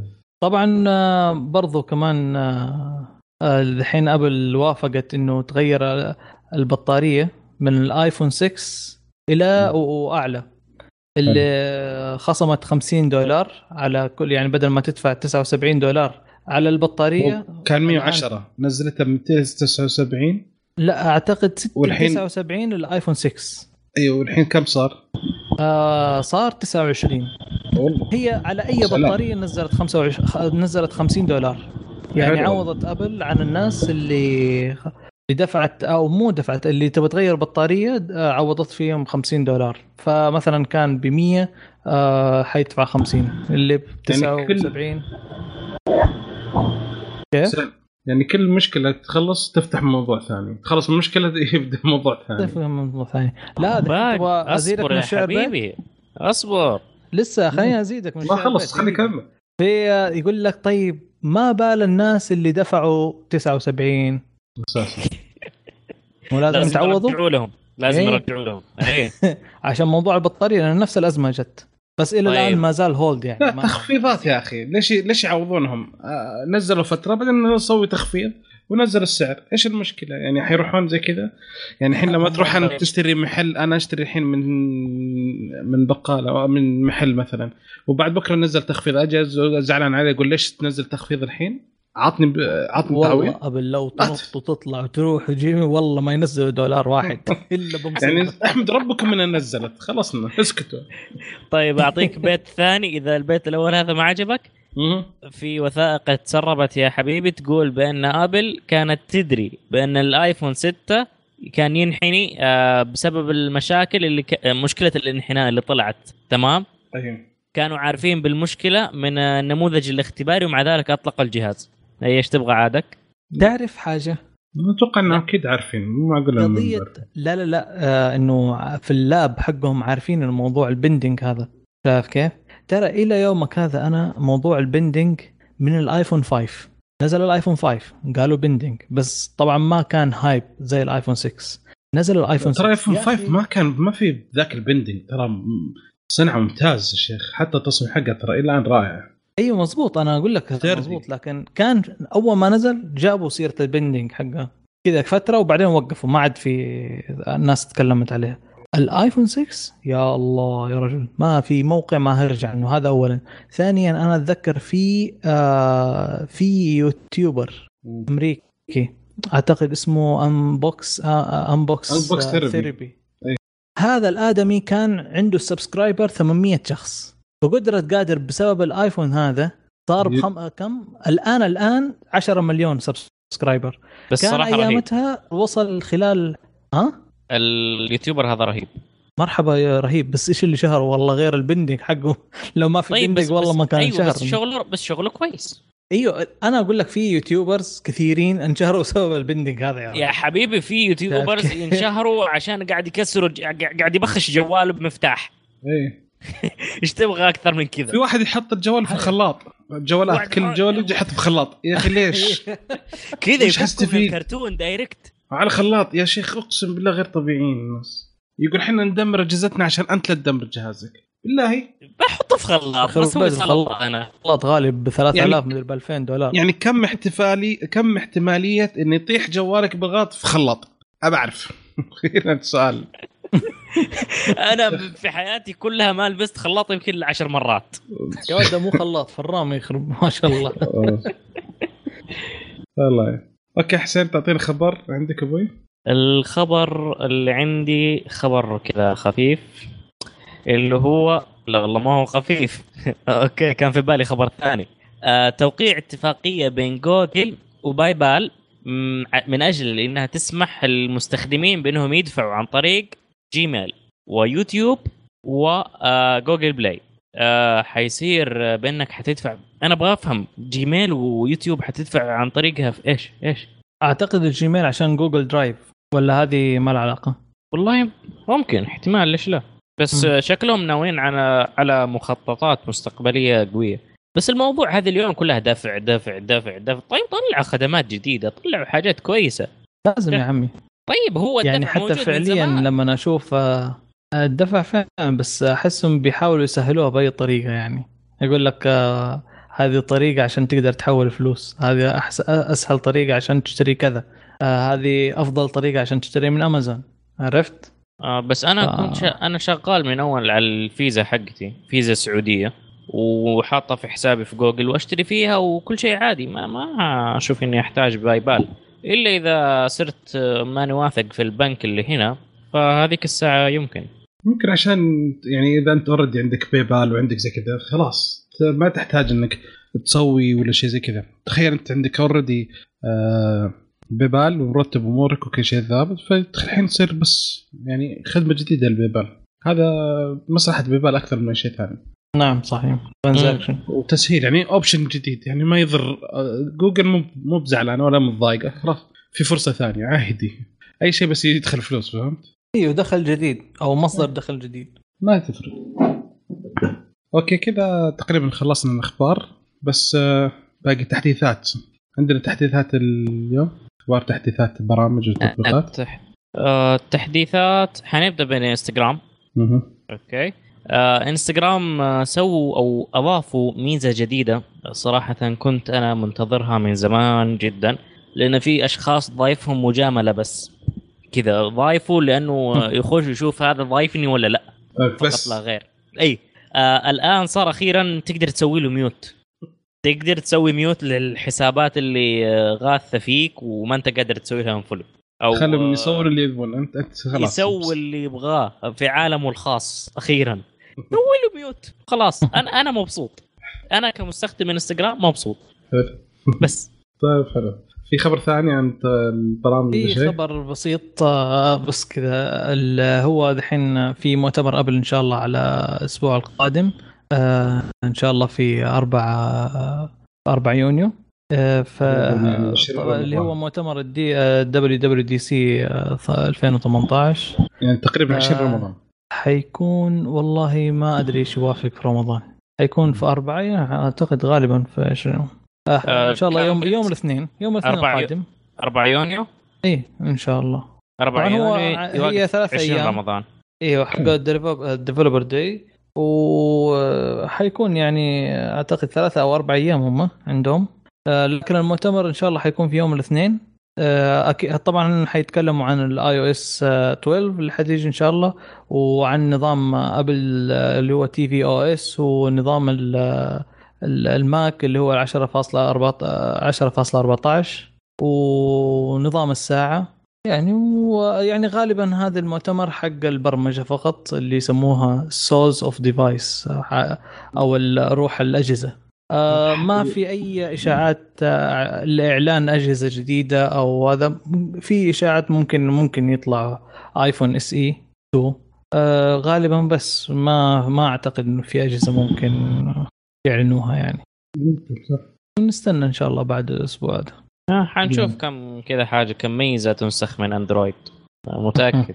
يا لا رجال تستعجل لا يا رجال تستعجل. التطبيق الاندرويد P ترى ماخذين ال gestures حقات الايفون 10 لا يا لا؟ حبيبي هذه إلا ماخذين ال gesture. حقتهم لا، نفس التطبيقات حقت لا، لا، ايفون لا، 10 لا. جيب الآيفون أبد. 10 وتجيب شوف، ال P شوف. وشوف اسمع عمي أنت أنت عندك اندرويد عندك ال- السامسونج جهازك السامسونج حلو ما يصلح لا لا فكه ما أقدر أركب. عليه ما أقدر أركب عليه ال P لا تركب عليه P ف افتح الآن وشوف مو تحصل عندك ثلاثة حاجات كذا في الأسفل أزارير كذا. زر آه، في اليمين وزر زر رجوع للخلف وزر في مم. الوسط اللي هو الصفحة الرئيسية وزر يطلع لك التطبيقات اللي أنت فاتحها في الخلفية أو أيوه. التطبيقات اللي كنت خاشها هم أيوه. ضربوا لك الاثنين الزرين اللي بجنب بعض وخبصوهم فطلعوا في بس زر يا واحد. شيخ يا لا يا. كيف تيجي لا يا حسين. حسين الحين الآيفون ما في زر لهم أوكي خلاص اسمع الآيفون ما في آيفون 10 ما في زر آه، زر ال home. حلو. حلو. فكيف تنتقل إلى هذا؟ تسحب من تحت وتنتقل إلى يا تطلع من التطبيق يا تد- تدخل التطبيقات المفتوحة عندك. الحين أندرويد بي مسوين نفس الطريقة تجشر ذي لا يا حبيبي نفس ال... شفت شفت الزر اللي أنا ما أدري يعني أنت شوف جوالك باللغة العربية ولا الإنجليزية؟ عشان أقول لك هو يمين ولا يسار. لا أنا بالإنجليزي. أجل تحصله على اليمين. لا. تمام. كيف لا؟ غيرته. للأس تقدر تغير تقلب. أوكي خلاص. تقدر. تحصله على اليسار طيب. ولا أيوه. تزعل. تحصله حتى في النص. شوف أنا أقول لك. الأغلب الأغلب الأغلب عشان غالبا دحين أنا لاحظت كثير دحين قاعد يركزوا على موضوع الدمج. لأنه إشاعة مرة تكون معه ومرة ضد. موضوع الدمج بين ال iOS وال macOS صرح لأنه صرحوا وبعدين رجعوا ترى في الإشاعة. لا مو هو مو دمج يعني كيف أقول لك؟ يعني مثلا في بعض البرامج أنا مشتريها في ال آه، في ال iOS. مشتريها مثلا ب 7 دولار أو بدولارين 3 دولار. لما أنا ألاقي ال version حق آه، ال macOS ألاقيها ب 70 100 شايف؟ طب أنا من already مشتريها هنا وقاعد يخدمني أكثر شيء في ال آه، في ال- في الجوال. ليه أروح أشتري ذا ب 100 ولا ب 50 فقالوا غالبا حيسووا دمج إنه الأشياء اللي أنت اشتريتها هنا ممكن تقدر تشتغل فيها على ال- على الماك. هذا بيضر آه، الشركات بس متى صرح. أنت؟ تقول لي صرح ال- الرئيس ال CEO آه، صرح آه، والله من فترة تقريبا من حلقتين. آه، قال بأنه آه، ما راح يتم دمج ال- النظامين ابدا. راح يظل هذا نظام منفصل وهذا نظام منفصل بس ال integration راح يكون بينهم محترم.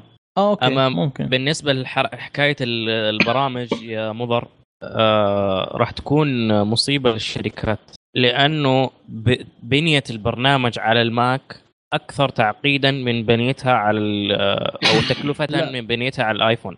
دقيقة مو كلها برمجية واحدة؟ مو كلها سويفت مو مو حك- حكاية Swift لا لا. إلا؟ مو حك... لا لا لا لا مختلف. مو حكاية Swift آه، كتابة. أنا أتكلم إن البرنامج لما تيجي تبرمج أنت للماك راح يكلفك أكثر من إنك تبرمج للآيفون. بالإضافة لل features اللي راح تكون هنا مختلفه عن ال features اللي راح تكون هنا. فاللي راح يكون على الماك راح يكون أكثر وأقوى من اللي راح يكون على الجوال بحكم محدودية موارد الجوال مقارنة بالماك. أنا اللي اعرفه والله ال Swift يساعد في ال macOS وال iOS. يساعد- حتى يساعد يعني ما اختلفنا فيها. لا لا قصدي يعني إنه يبني من ال zero لل application كامل. عموما نحن نشوف ما نشوف المؤتمر نشوف نقول والله ينفع ما ينفع. ينفع ما ينفع. okay الله يعطيكم العافية. كذا نكون خلصنا فقرة الأخبار. ننتقل الحين لفقرة موضوع الحلقة. آه، موضوع الحلقة اللي هو الذكاء الصناعي وعن حسناته وسيئاته. يلا شباب تفضل. طيب أنا راح أبدأ بالذكاء الصناعي. آه، بتعريف بسيط آه، وتاريخ.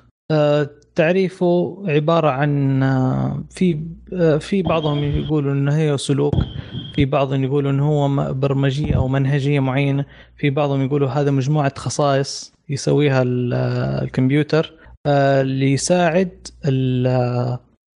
ليساعد في تحليل معين في إنتاج معين في يجعل الجهاز الكمبيوتر ذكي ويقدر يتفاعل معاه الشخص أو ال user أو المستخدم. آه، طبعا آه، بدأ فيها في جامعة آه، أعتقد ال MIT وجامعة أعتقد آه، كارنيجي ميلون أعتقد اسمها وستانفورد. بدأ فيها أول واحد اللي هو جون مكارثي ومارفن آه، ومارفن مينسكي وألين نيويل وهربرت سيمون. هذول أسسوا مختبرات الذكاء الصناعي في عام 1956 يعني والله من زمان. ففي؟ أقول بس حلو يعني من فك من زمان هم أو من زمان شغالين عليهم. آه من أيام على قول ال hard disk كان فيلم.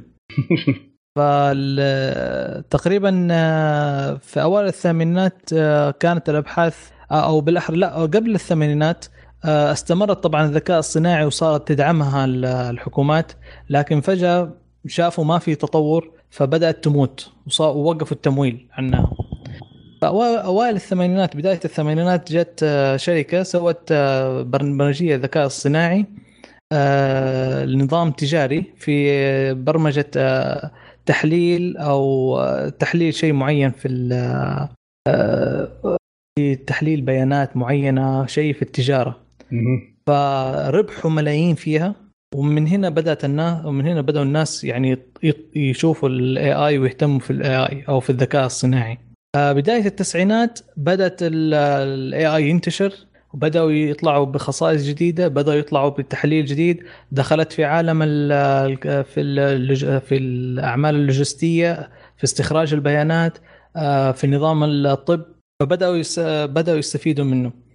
بعدها عاد شفناها دحين دخلت في في في الحاسبات دخلت في النظام في أنظمة التشغيل بعدها صارت تدخل الشركات وبعدين صارت تدخل في من الشركات للبيوت. فهذا كان تطوره أو بدايته كان. طبعا هو كان جدا غالي. الآن كل ماله يعني الآن كان وكان بسيط ترى برمجيته بسيطة. سوي كذا يعمل كذا يعطيك آه، شيء ثاني. آه، فالآن صار لا الجوريثم معين. معقدة جدا.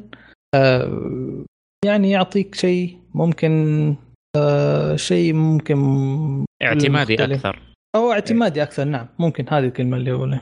طبعا في دحين في جوجل أو أو بالأحرى نقول الذكاء الصناعي آه، مع إنه أنا ما يعني ما فهمت كيف تزامنت في عام 1950 تقريبا. في دكتور اسمه آه الله أعلم اسمه خلينا أتذكر والله. اسمه أعتقد آه آلين تورينج. آلان تورينج أو آلان تورينج حاجة زي كذا.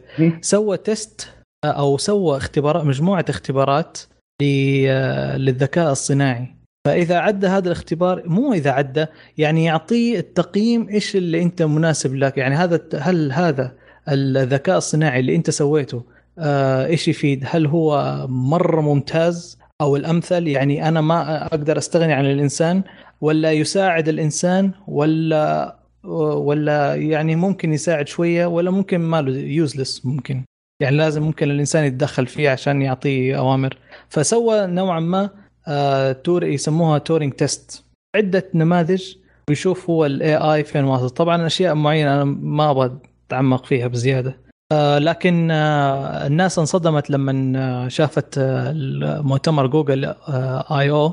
أيوه. قالوا إنه معقول هذا دحين يعتبر إنه أخذ test عالي إنه أول test يعتبر آخذ أعلى تقييم في ال Turing test فغالبا يقولوا والله شكله إنه فعلا أخذ Turing test بس خليه يكون published ويشوف ال Turing test فعلا هل أخذ أعلى تقييم في التاريخ ولا لا. غالبا هو... قاعد يقولوا إنه فعلا أخذ أعلى تقييم متاملين الشيء هذا هم هو حاليا ترى يسمونه يا ربي يعني الآن جوجل قالت إنه بيتا ولسه ما أطلقوه كامل حق الدوبلكس فنستنى نشوف لما هل تخلص يطلق رسمي عشان نقدر نعرف صح؟ تمام آه. okay شباب آه. كذا خلصت يا مضر؟ أنا هذا اللي شفته التاريخ حبيت بس أعطيكم التاريخ. في طبعا أضرار في في مساوئ في بس آه أنت تشوف إيش رأيك في المساوئ حقها أو سيئاتها أو حسناتها بشكل عام؟ أوكي آه أنا في البير ولا أنا فين بالضبط؟ لا لا أنت موجود. كويس. آه خذ راحتك. لاني لي ترى فترة قاعد أتكلم. كويس. لا الحين تكلم. لا أنا الآن كويس على الشبكة. آه ببسط في فكرة أو في آه مفهومي للذكاء الاصطناعي. آه تخيل معايا عزيزي المستمع إنك جالس ورا وإن السيارة قاعدة تسوق نفسها تمام؟ وإنك رايح للمطعم عشان تتعشى مع أصحابك. ومو أنت اللي مختار المطعم مو أنت اللي مختار آه، الوقت ولا أصحابك تمام؟ وبعدها بثلاث ساعات أنت مسافر. على مدينة ثانية. حسين هلا. صوتك راح. حلو. okay ال connection قاعد يتعب آه، القصة اللي قاعد أح- أحكيها. أنا فين وصلت في القصة حقتي؟ أنت وصلت المطعم بعد ما ادري وصلت آه، لا okay عجل ما صار ما ضاع شيء. المهم بس صوتك آه. مو واضح يا يعني مرة. سيء connection صوت مكهرب. صراحة أنا تعبت وأنا أكتب القصة يا جماعة. طيب تفضل تفضل. أوكي وصلت المطار. أو عندك رحلة بعد آه، الاجتماع مع أصحابك الجميل هذا اللي ما شفتهم من سنوات. وصلت المطار. الرحلة لمدينة ثانية أو خلينا نقول لدولة ثانية. في مدي... دولة ثانية في قارة ثانية. أنت أساسا مو حاجز الرحلة ولا أنت اللي آه، مسوي عملية تحويل الفلوس أو الدفع ولا أنت مسوي أنت فقط قلت أبغى أبغاك. مثلا يا فلنفترض بأن المساعد الشخصي ما نبغى نعطيه اسم موجود حاليا. ما شيء. فلنفترض أنت يا مساعد إكس okay إكس حلو. حلو. آه، أنت يا إكس والله أنا فاقد اصحابي آه، قلتها قبل ما تنام. تمام؟ أنا فاقد اصحابي فلان وفلان وفلان اللي كنت معاهم في المتوسطة مثلا. درسنا المتوسطة سوا. وبعدها آه كذا سكت فترة وقلت والله أنا أتمنى إني أرجع أسافر مرة ثانية للمدينة الفلانية في الدولة الفلانية اللي رحتها زمان أيام ما كنت صغير. رحتها كذا نتمشى أنا وأبوي ونمت. وأنت كان عندك weekend آه، إجازة. فتصحى الصباح تحصل المساعد الشخصي إكس هذا. يعطيك اقتراحات. تطلع مع أصحابك. يوم كذا كذا في وقت كذا كذا. حلو يناسبك. والله حلو. انت عجبك. خلاص حطيت موافق. وقال لك والله المدينة الفلانية في عليها عرض ممتاز من الشركة الفلانية الرحلة مع الفندق مع كذا مع الجولة السياحية بمبلغ كذا.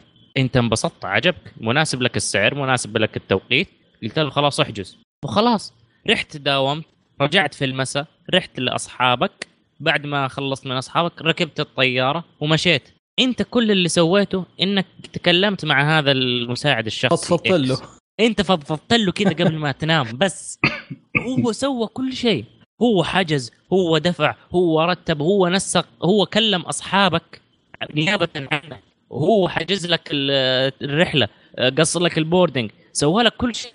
انت بس فضفضت له قبل ما تنام.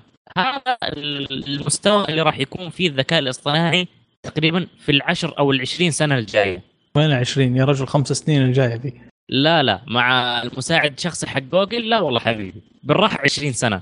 والله يا أخي العلم قاعد يمشي زي سريع أسرع. أيوه. بشكل مجنون. بس والله تعرف إيش يذكرني هذا الشيء؟ يا أخي آه، حتى يعني اللي ما شاف الفيلم نشوف ال- الفيلم اسمه هير. ال- آه، اللي هو إنه أعتقد وقع في حب المساعد الشخصي حقه أو المساعدة الشخصية. يا ساتر فأيوة إنه هذا يجيب لك إنه وا- الواقع قديش إنه ممكن الواقع المعزز قديش يتكلم معاك كأنه طبيعي جدا شايف كيف؟ آه ولدرجة إنه صار في هاجس صار في ناس يحبوا مساعدهم الشخصي نفسهم أو يوقع بغرام في درجة إنه هو real يعني يا ب feeling. معين أيوه آه، شفت ما. شفت الفيلم؟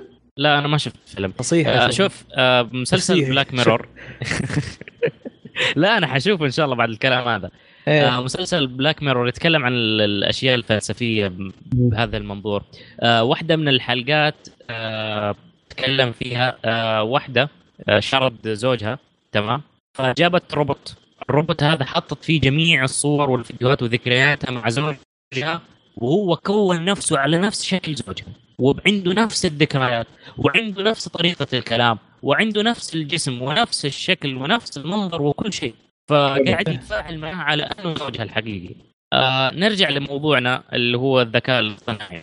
لو نظرت القصة اللي قلتوها أنا قبل شوية فراح تجد بأنها قصة جميلة رائعة حلوة م- مع إني قاعد أمدح نفسي المهم آه راح تلقى المحاسن ان المجرد إنك ما تفضفض له كذا تقول له تلمح له تتكلم معاه يسوي لك كل اللي تبغاه لو تجي للجانب المظلم هذا المساعد الشخصي يعرف عنك كل شيء مو. يعرف عنك كل شيء هو مرتب حياتك هو مبرمج حياتك أساسا مو مو الناس اللي مبرمجين لا هو صار اللي مبرمج الناس أساسا يبرمج يعني نفسه. لو مبرمج نفسه مبرمج لك راح حجز لك التذكرة. لما راح حجز لك آه، المطعم مع أصحابك لما أختار لك المنيو لما ظبط لك كل شيء.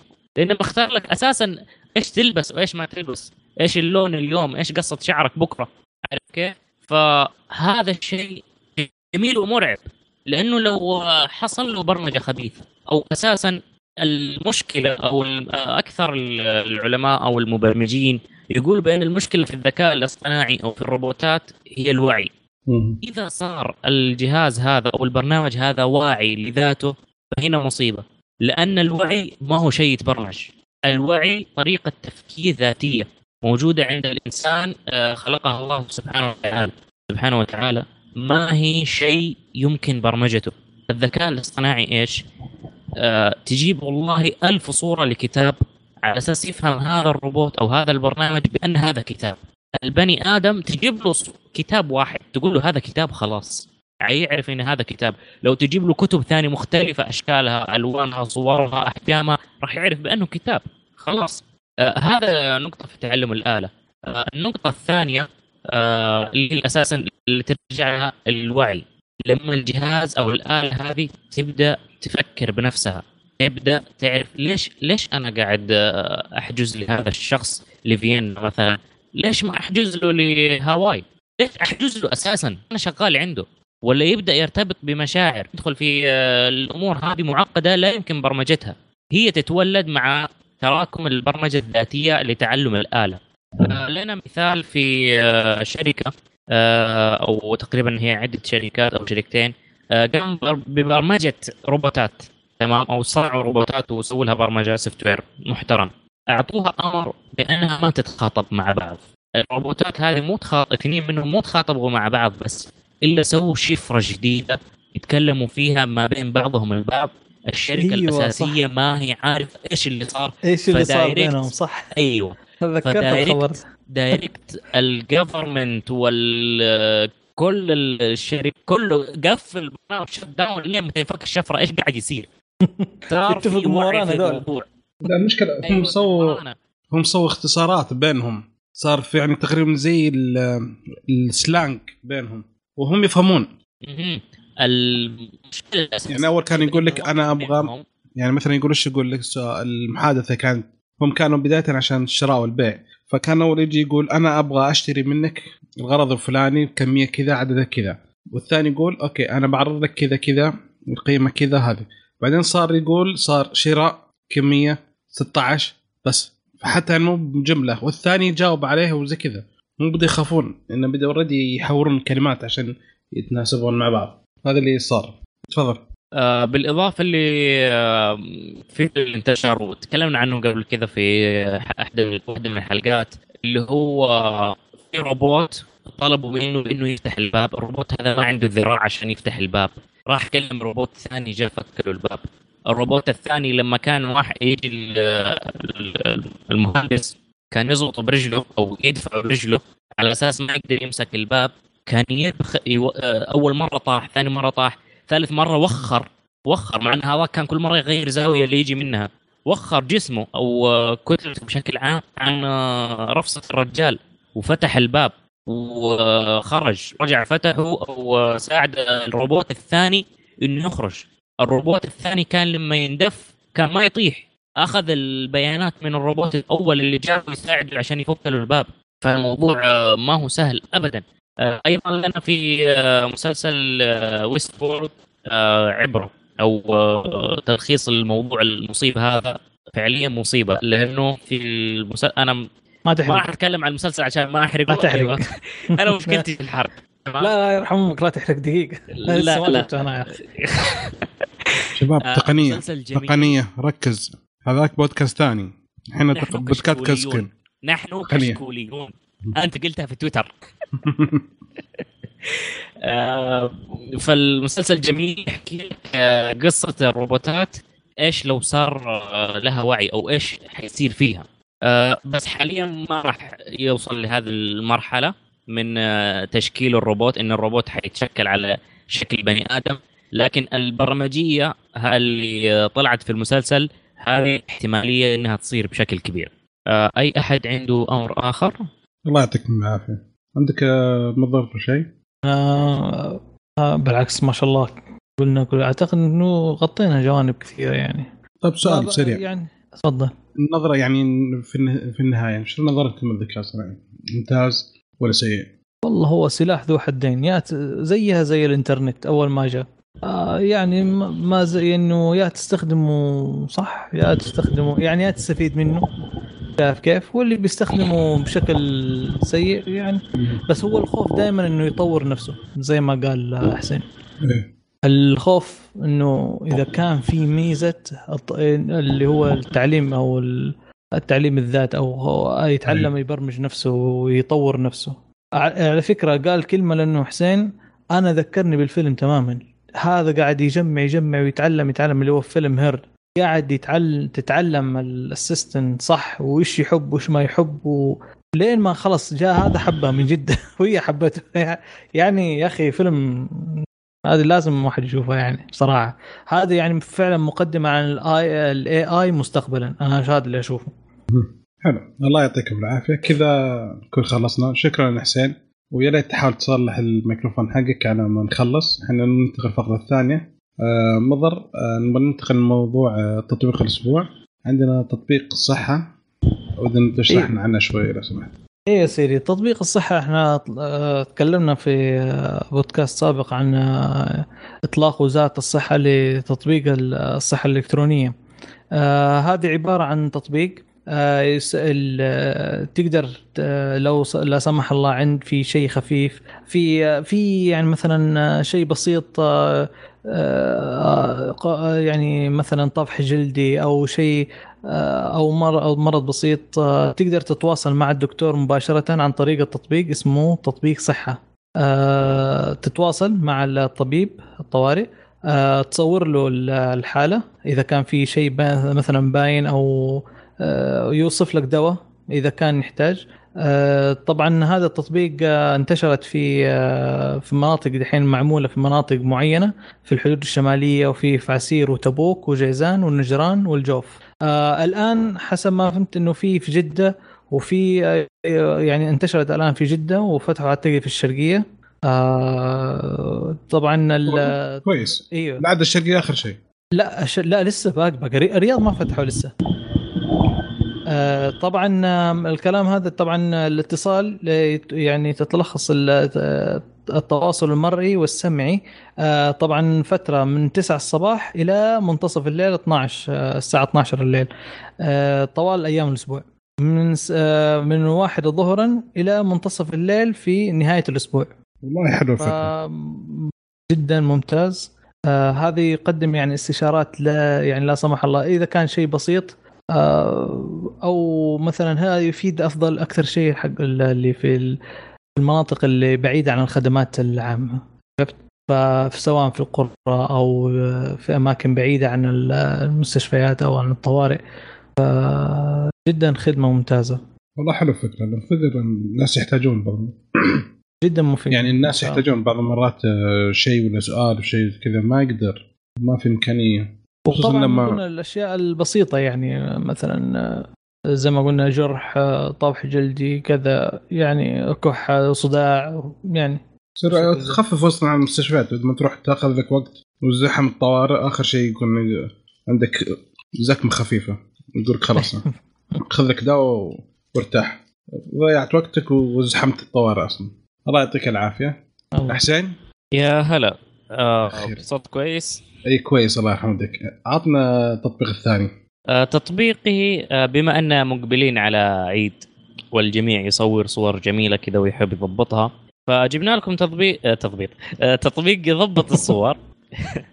آه سناب سيد آه تطبيق آه شركة آه خارجية وبعدها شرته جوجل. تطبيق يعتبر أقوى أو من أقوى تطبيقات اللي تعديل الصور في الجوال له شروحات عديدة من مصورين محترفين على اليوتيوب. آه، صراحة أنصح بانه يرا... أن المستمعين إذا حاب يستزيد آه، زيادة يرجع لها لأنه فعليا لكل تأثير آه، أو لكل آه، طريقة لها تعديل خاص فيها. آه، التطبيق أول ما تفكه أو أول ما تفتحه راح تطلع آه، يطلب منك تضيف الصورة. تضيف الصورة اللي تبغى تعدل عليها. بعدين في الأسفل عندك المظهر. اللي هي آه، تأثيرات آه، جاهزة آه، زي الفلاتر الجاهزة بعدين أدوات اللي هي الأدوات اللي أنت تستخدمها في التعديل وبعدين تصدير اللي هي تحفظه بشكل تحفظها بشكل نهائي أو إلى ما ذلك. في الأدوات في عندك ضبط الصورة اللي هو تضبط السطوع فيها تعدل على سطوع الصورة. بعدها عندك تفاصيل اللي هو أو الحدة حقتها حدة البكسل. بعدها المنحنيات هذه اللي تعدل فيها دقة اللون، حدة اللون. آه، عادة هذه خليك بعيد عنها. آه، لأنه آه، العمل فيها يحتاج شوية احترافية. آه، توازن الأبيض والأسود واقتصاص الصورة تدوير المنظور. هذا تعتبر الميزة الأقوى في الجهاز. المنظور بحيث إنك تعدل الصورة. والله مثلا أنا أبغى أرفع الجزئية اللي في وسط الصورة إلى أعلى الصورة. بالتالي بحيث إنه يكون كأن المبنى هذا من صورته أنا بزاوية مختلفة. فبالتالي يقوم ويعدل الزاوية هذه ويقوم بتعبئه الفراغات المقتصة عن طريق الذكاء الصناعي بأنه يشوف الجزئية الأسفل أو الجزئية العليا اللي في الصورة آه، إيش الألوان اللي فيها. فيبدأ يعدل عليها بالتالي تشبه لها. أيضا فيه آه، اللي هو الفوكس التلقائي الانتقاء معلش دقيقة. هلا. الحين آه، تعديل الصورة اللي قلت أنت التلقائي وزي كذا هل يحتاج إني أصور عن طريق البرنامج؟ ولا أقدر أصوره من عن طريق الجوال نفسه مثلا صورة موجودة في الجوال؟ لا البرنامج ما في تصوير. أنت تصور بالجوال أو تحمل صورة من من أي مكان وتجيبها وتعدل عليه. أها حلو. أنت لما تيجي تعدل المنظور حق الزاوية الصورة مو فيه آه، الصورة آه، مربعة أو مستطيلة تمام؟ أنت لما تعدلها اللي هو تميلها آه، في فراغ تحت. هو البرنامج يقوم عن طريق الذكاء الاصطناعي يعبي الفراغ هذا سواء كان فوق أو تحت أو وين مكانه بالزاوية. يقوم يعبيه عن طريق الذكاء الاصطناعي. وفي العادة في الغالب يضبط. يطلع كأنه فعليا جزء من الصورة ما كأنه معدل عليها. ترى هذه أحيانا تكون برنامج لحاله عشان يعدل يسوي الحركة هذه ترى. أيوه. فهذا من نقاط قوة التطبيق ومبلغ. وقدره ترى. سعره ما هو رخيص. آه، هذا free أيوه بالضبط هذا free يا أخي أي شيء جوجل free ما هم كسبانين يجمعوا بيانات يا حبيبي. إذا ما باع شيء أنت السلعه يقول لك. إذا ما أي، باعك شيء أنت. السلعه أنت المبيوع. حلو. في سؤال يا مضر عن التطبيق؟ لا لا بس في إضافة. التطبيق يمديك تصور منه. حلو. يعني يمديك تعمل له import صورة معينة. سواء صورتها أو في تاخذ صورة. الاستوديو، أو تستخدم التطبيق إنك تعمل capture لصورة معينة. حلو. والله شوف في التصوير أنا أفضل إنك آه، تستخدم ال pro mode في الكاميرا الأساسية حقك أو وضعية التصوير الاحترافية في الكاميرا الأساسية. حاول تلعب بالإعدادات إلين تتعلم معها حتضبط. أكثر حاجتين آه، حاول إنك تلعب فيها لأن هي اللي راح تضبط لك ال- آه، تضبط آه، فعليا الصورة مهم. وش هم؟ اي آه، هي آه، فتحة العدسة ال- الوقت اللي تستخدمها ال- العدسة عشان على أساس آه، تلتقط الصورة والآيزو والفوكس آه، في حالة إن الإضاءة كانت آه، كنت تصور في مكان مثلا في شمس أو إضاءة لمبة أو مكان مختلف آه، في الإضاءة في آه، عادة تخليها على ال auto وتتحكم فيها بعدين في برنامج تعديل الصور. لكن أهم ثلاثة أشياء تعدلها في وضعها الاحترافي اللي هو ال shutter وال ISO والفوكس. لحظة. الكاميرا حق الآيفون يمديك تعدل الشتر والآيزو؟ آه ما أعرف بس تق... في الاي لا، لا، البرنامج البرنامج الأساسي للآيفون ما أدري بس في برامج تحملها من ال market عشان آه آه okay تسويها. برنامج ثاني. okay okay. في ال- عندي في ال- آه في ال Note 8 أقدر أعدل ال ISO وال shutter بدون أي برنامج خارجي من البرنامج الأساسي.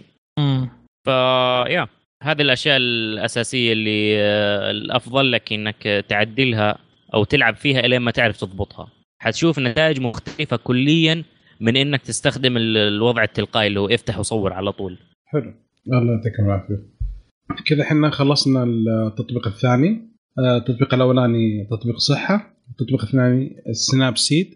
آه، أزين شيء في التطبيقين إنهم موجودين على store وال iOS و store جوجل Google Play وال App Store ممتازين وعلى كده. فكرة ترى متوفر في ال Mac آه ومتوفر في ال- في المايكروسوفت أعتقد في Windows Store أو Microsoft Store. آه متوفر على عدة منصات ترى. أي تطبيق؟ اللي هو Snap Snap آه، شو اسمه؟ seed. Snapseed. Snapseed. حلو. ممتاز. الله يعطيكم العافية شباب. آه، الحين خلصنا من فقرة تطبيق الأسبوع. ننتقل إلى فقرة الشرح التقني. آه، اللي عندنا هو إن في بعض الناس يسألون ليش لما نستخدم فلاش؟ لازم نسوي خروج آمن للفلاش قبل ما نستخدم نسحبه من الجهاز وش المشكلة لو طفى الجهاز على الكمبيوتر؟ آه، فجأة كذا. إحنا نبغى إن شاء الله نشرح الحين النقطتين هذه. طيب آه احب أبدأ أنا؟ ابدأ حبيبي ابدأ. Okay. آه طبعا آه ب- بشكل عام دائما لما نحط الفلاش ونستخدم الفلاش آه سواء في نقل البيانات أو تح أو قراءة معينة أو تعديل. آه بعد ما ننتهي دائما أول شيء دائما نعمل آه خروج آمن أو نعمل له eject لعدة أسباب. أول عشان تعطيه تهيئة للنظام إنه ما يرسل شيء أو يكتب شيء على البيانات الفلاش وإلا حيصير في corruption لل أو حيصير في تلف للبيانات وبعدها الفلاش ما عاد يشتغل تماما.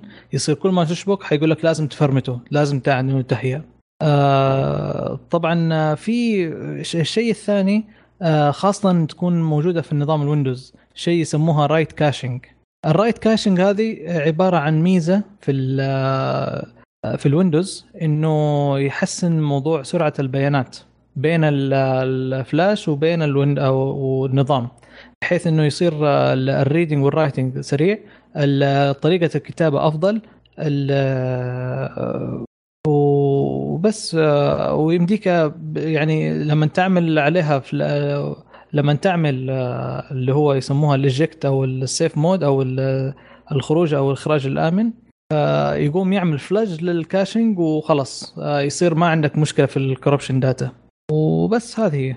فدائما يعني لأنه لو سحبته أنت فجأة شايف كيف؟ حيصير في عندك مشكلة في ال data في ال cache. لما يضرب معك حيضرب مو معك ال file نفسه حيضرب معك file ات ثانية. شايف كيف؟ خاصة أحيانا في حتى لو اكتمل حتى لو قال لك مثلا تنقل حاجة مثلا من الكمبيوتر للفلاش يكتب لك إنه دن وانتهى. لكن لما في بعض الأحيان لما تعمل له خروج آمن يقول لك ما ما أقدر أعمل له خروج آمن. لسه معلق. إيوه لسه معلق. أعطي له شوية وحيطلع معك. يعني أو أعطي له شوية وأعمل له خروج آمن أكثر من مرة حيطلع معك. ما طلع الله يعينك اسحبه. لأنه فعليا أحيانا يكون ترى الج- الجهاز فيه فيروس. أنا أعرف بالطريقة ذي انه كيف أعرف الجهاز فيه الفيروس؟ معناه دخل الفلاش حقي. لما يدخل الفلاش حقي مستحيل يقطع.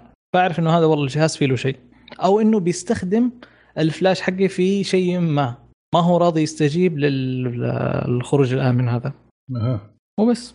طبعا آه،. آه، ما أدري في آه، عندك ال- الميزة هذه اللي قلنا عليها اللي هو ال caching آه، اللي يسموه ال writing cache في ال في الويندوز يمديك تقفله إذا ما أنت ما تبغى الحركة هذه آه، بحيث إنه أنت والله يا أخي أنا ما في حيل اني أنا أسوي إخراج لل disk خروج آمن ولا لا. ترى في ممكن إنك أنت تسوي تسحبه على طول. كيف؟ تروح على ال hard disk أو ال flash disk نفسه تضغط زر اليمين تروح عند الخصائص أو ال properties آه وبعدين تروح على ال policies. أنا ما أعرف إيش ال policies بال... كيف مترجمينها في الويندوز. آه وبعدين تروح عند كويك ريموفل أو كويك ريموف وتعمل إلغاء الميزة اللي هو better performance هذا ال better performance يصير ال- اللي يسموها ال write caching ما يعني ما ما يصير يسوي لك write caching فيها. Okay. حيبطئ شوية ال reading وال writing مع الفلاش لكن أقل شيء إنه إيش آه، يمديك تسحبه من غير ما ما تعمله خروج آمن. يعني حتى لو خلصت منه تماما برضو still إنه يفضل تسوي الحركة دي يقول لك الحركة كلها ما تأخذ خمسة ثواني. فالأفضل إنك تسويها يعني دائما لكن إيه هذا نعطي إحنا خيارات أخرى و more options يعني عشان إذا تبغى تسحب طلع الفلاش بقوة. حلو والله. الله يعطيك العافية. لأن في مرات كثير من المرات لما في بعض الشباب معنا في العمل وزي كذا يسحب على طول. فما يسوون يقول لك لا عادي ما في مشكلة. بس مرات فعلا لما نجي ناخذ ملفات يكون ناقصة. ما ما ما تحملت كامل. الله يعطيك مو ناقصة أحيانا آه، يضرب الفلاش كله. امم هذا أكبر أكبر مصيبه اي مصيبتين هذه.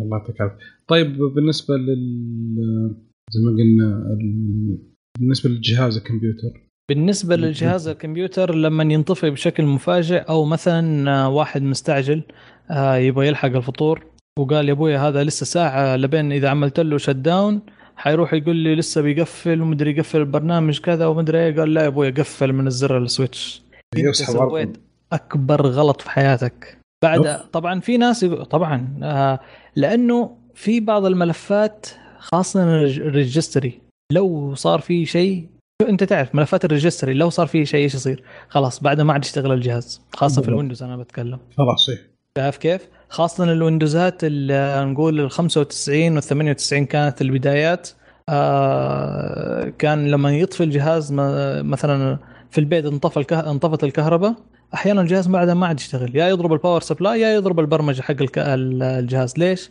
لأنه كان أيام أيام زمان كان ال format حق ال hard disk ات نعرف اللي هي ال FAT. بعدها جاء في 98 أعتقد ال FAT 32 آه وبعدها ال Windows XP جاء شيء يسموه انتي اف اس انتي اف اس حلت المشكلة هذه جزئيا نقول. حلت المشكلة بشكل جزئي. آه بحيث إنه إيش يسوي؟ يعمل لها في ميزة في ال NTFS يسموها journaling آه ميزة يقوم بحفظ ال logs آه يعرف يحفظ السجلات ها؟ ال logs قائمه الولود السجلات. السجلات. سجلات النظام والتغيير آه يصير آه يصير يقلل المخاطر من تلف البيانات هذه. عرفت؟ آه بالنسبة لل طبعا آه طبعا بالنسبة للكمبيوترات الأنظمة الثانية برضه نفس المشكلة يعني إحنا ما بنتكلم على نظام معين. لكن أكثر شيء الناس المستخدمين ال Windows آه دائما إذا كان لا سمح الله إنه انقطع عليه التيار أو كذا آه فإن شاء الله يعني نقول ما يعني إن شاء الله ما تروح البيانات عليه شايف كيف؟ لكن آه، الأخطر منها ال update لو صار مثلا آه، تعرف ال update في بعض الأحيان ياخذ وقت خاصه في ال Windows إذا كان مثلا نعم. لك فترة طويلة ما عملت update يظل مثلا أنت لما تطفي يقول لك do not down أو لا تطفئ الجهاز لأنه بيصير update نعم. هنا فعلا لو ركب مخك وقلت تبغى تطفيه هنا قولا واحدا أوه. جهازك حيضرب على العوض من العوض نعم فالناس اللي مهتمة بموضوع الخوف على ال data وكذا آه، إذا كنت تستخدم لابتوب فيفضل دائما لما تسوي update تكون مشحون. وإذا عندك desktop آه، فما أدري جيب UPS في البيت.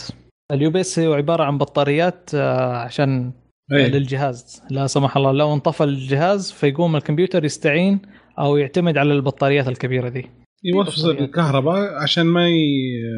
ما يحس الجهاز إنه في انفصل الكهرباء عنه. لا يقوم يعتمد أصلا على البطاريات هذه الكبيرة. إي فما يحس إنه صار فيه آه، انقطاع الكهرباء إيه؟ بالنسبة لجهازك. بالضبط إي. لأن في مصدر ثاني اللي هي البطارية ال UPS. اليو بي إس نعم. طبعا في ب UPS للبيت وفي UPS للشركات. أنا بتكلم عن ال UPS اللي في البيت. إي. والله يعطيك العافية حبيبي. شكرا أبوي الله يعطيك العافية. آه أنا بالنسبة لي ما عندي أي أسئلة. فمرة كان ممتاز. أشكرك على الشرح. حبيبي. الله يخليك. آه كذا نكون خلصنا الشرح التقني وننتقل إلى الفقرة الأخيرة اللي هي آه اسأل كشكور تقنية. آه صراحة عندنا ما عندنا أسئلة كثيرة. ف للاسف كذا الناس مشغولين برمضان. فأول شيء عندنا Harry G Potter يقول hello muggles هل عندك PC وإذا إيه وش المواصفات واختصار؟ موجه للكل. جاوب أنت بعدين أجاوب أنا. أنا صراحة ما عندي PC أنا عندي iMac بس أعتقد إنها نفس الشيء personal computer. أنت king. آه الله يخليك. فال iMac عندي اللي هو iMac آه 27 إنش. آه اخذته لي فترة يعني قبل يمكن ثلاث سنوات. آه processor آه 2.9 giga Intel Core i5 memory 8 جيجا آم، 1600 هرتز. DDR3 آم، جرافيك نيفيدا جي فورس جي تي إكس 660 ام 512 ميجا بايت فهذا الجهاز حقي. أنا عندي اللابتوب عندي ال iMac فأنا حاليا أستخدم ال iMac ال laptop لما أسافر بشيء أستخدم اللابتوب. الله. هذا بالنسبة لي أنا. يلا تفضل. أصدمها يا مضر أصدمها. طيب انت أنت أبدأ. أنا قل لي آه أنت. خل... خليك في الأخير أنت ال big boss هنا. آه آه. يا عزيزي آه أنا عندي laptop MSI لأني إنسان آه، متحرك يطلع ويجي كثير ما ما PC ما ينفع لي. آه، laptop ي MSI المعالج آه، Core i7 آه، ال- آه، اللهم صل على محمد. إيه مغير ال RAM ات حاط آه، 16 giga DDR3 Kingston. برضو مركب له آه، hard disk SSD برضو من آه، آه، كينغستون. آه، لا لا ال hard disk كان من آه، سامسونج عفوا من سامسونج. آه، الكرت الشاشة اللي فيه آه، ال NVIDIA 940M داري كرت آه، تعبان بس آه، هذا اللي قدرت أجيبه يومها. أشتري لك آه. بعدين ال external GPU ما, أنا سالتك ما أنا سألتك. يركب على ال Windows قلت لي لا بس ال Mac لا إذا كان عندك أهم شيء يكون Thunderbolt 3 لأنه سرعة. البيانات حقها جدا عالية فتحتاج سرعة بيانات ترى. ما أنا قلت لك في على يو اس بي 3 أنا عندي يو اس بي 3 فيا آه لابتوبي MSI i7 16 آه، جيجا RAM 2 hard disk 1 SSD و another 1 HDD وال graphic card ال 490 ام من انفيديا في المواصفات الثانية الخرابيط اللي هم كاتبينها اللي هو أقدر اشبك نعم. عليه ثلاث شاشات وما أدري إيش. الكلام الدعائي حقهم. بس هو ها. الشبكة على الثلاث شاشات أوكي بس بياكل من الجرافيك. جرافيك. أيوه هو هو أضعف نقطة فيه ال graphic card. خش عليه يا مضر خش إيش اخش يا عم مش عندك. أنا. عندي آه، بصراحة أصلا ما يد- ما يقدر يقول إيش عنده جهاز؟ عنده ما هاكنتوش وحايس الدنيا ملخبط والدنيا دنيا. شكشوكة مو بجهاز كانت النية هاكنتوش. بعدين يا عمي شفت الدنيا بظلميطة والله إيش يبغى لها شغلة. قلت إذا. كذا ولسه يعني ما خلصنا. على أسبوعين قعدنا نسوي الهاكنتوش. البرمجة بس. فقلت إذا فرمت علي الجهاز إيش أسوي؟ أقعد أسبوعين ثانية؟ والله يا أبوي شغلة. عموما أنا عندي فلذلك اختصرت المشوار فاشتريت لي ماك بوك برو وفي عندي أنا ماك بوك برو قديم آه، اللي هو أول ما نزل الشكل الجديد الالومنيوم في نعم. 2008 في آخر أواخر 2008 آه، طبعا لعبت فيه شوية حوصت فيه شلت ال- آه، اللي هو ال CD drive وحطيت شاصيه جديد وعلى أساس يركب عليه hard disk ثاني. شايف كيف؟ فلغيت ال CD drive زود وصار SSD آه، يصير لا أخذت ال... خليت اتش دي دي إتش دي كتخزين وال hard disk اللي هو مكان ال hard disk خليته SSD طبعا ذاك- سويتها أنا فترة ترى. ما هو ذاك السرعة اللي أنا استفدت منها بصراحة. لكن آه، لأنه تعرف ال ال ال ال ال processor Core 2 Duo كان أول ما نزل يعني. إيه. ما كان شيء. اللابتوب الثاني اللي هو الماك برو الجديد هذا 2017 آه، الميزات حقتها كلها i7 ما يحضرني والله إيش نوع ال- الجهاز بالضبط أو إيش رقم ال i7 تبعه. آه، 2.7 آه، طبعا 15 انش هو يجي. آه، عفوا مو 2017 2016 آه، 16 جيجا RAM 2133 ميجا هرتز DDR 3 طبعا الجديد منه DDR 4 دحين الآن. آه ال Radeon اللي عندي أنا Pro ال AMD 2 جيجا. آه Radeon Pro اللي هو 455 آه الجديد منه دحين 500 وأعتقد خمس- 555 أو 560 ويا بس هي هذه. ما تعطينا لل- حق الهاكنتوش؟ لا الهاكنتوش أنا ما سويته بصراحة. آه، لكن جبت ال PC وقلت خلاص آه، الهاكنتوش لأني المشكلة الهاكنتوش محدد ب processor معين. يعني إذا جبت ال processor هذا لازم تجيب ال hard disk هذا لازم تجيب ال- الواي فاي هذا. أما إذا غيرت ال processor لا لازم تجيب ال hard disk الفلاني. فيا أخي حوسة عرفت؟ باختصار تعال حتتورط إيوه حتتورط في ال drivers كثير. وتعرف support ما حي- ما حي ما حيساعدوك كثير. وخاصة تتورط في الأجهزة الجديدة وقتها ال- الماكنتوش ما دعم ال DDR 4 أو الرامات ال DDR 4 وقتها. فهنا هذه كانت ورطة. أول ما نزل الرامات حقها دي دي ار 4 آه، طورت آه، ماكنتوش أو الأبل طو- آه، طورت في تطويرها أو في اختيار برمجية معينة لها.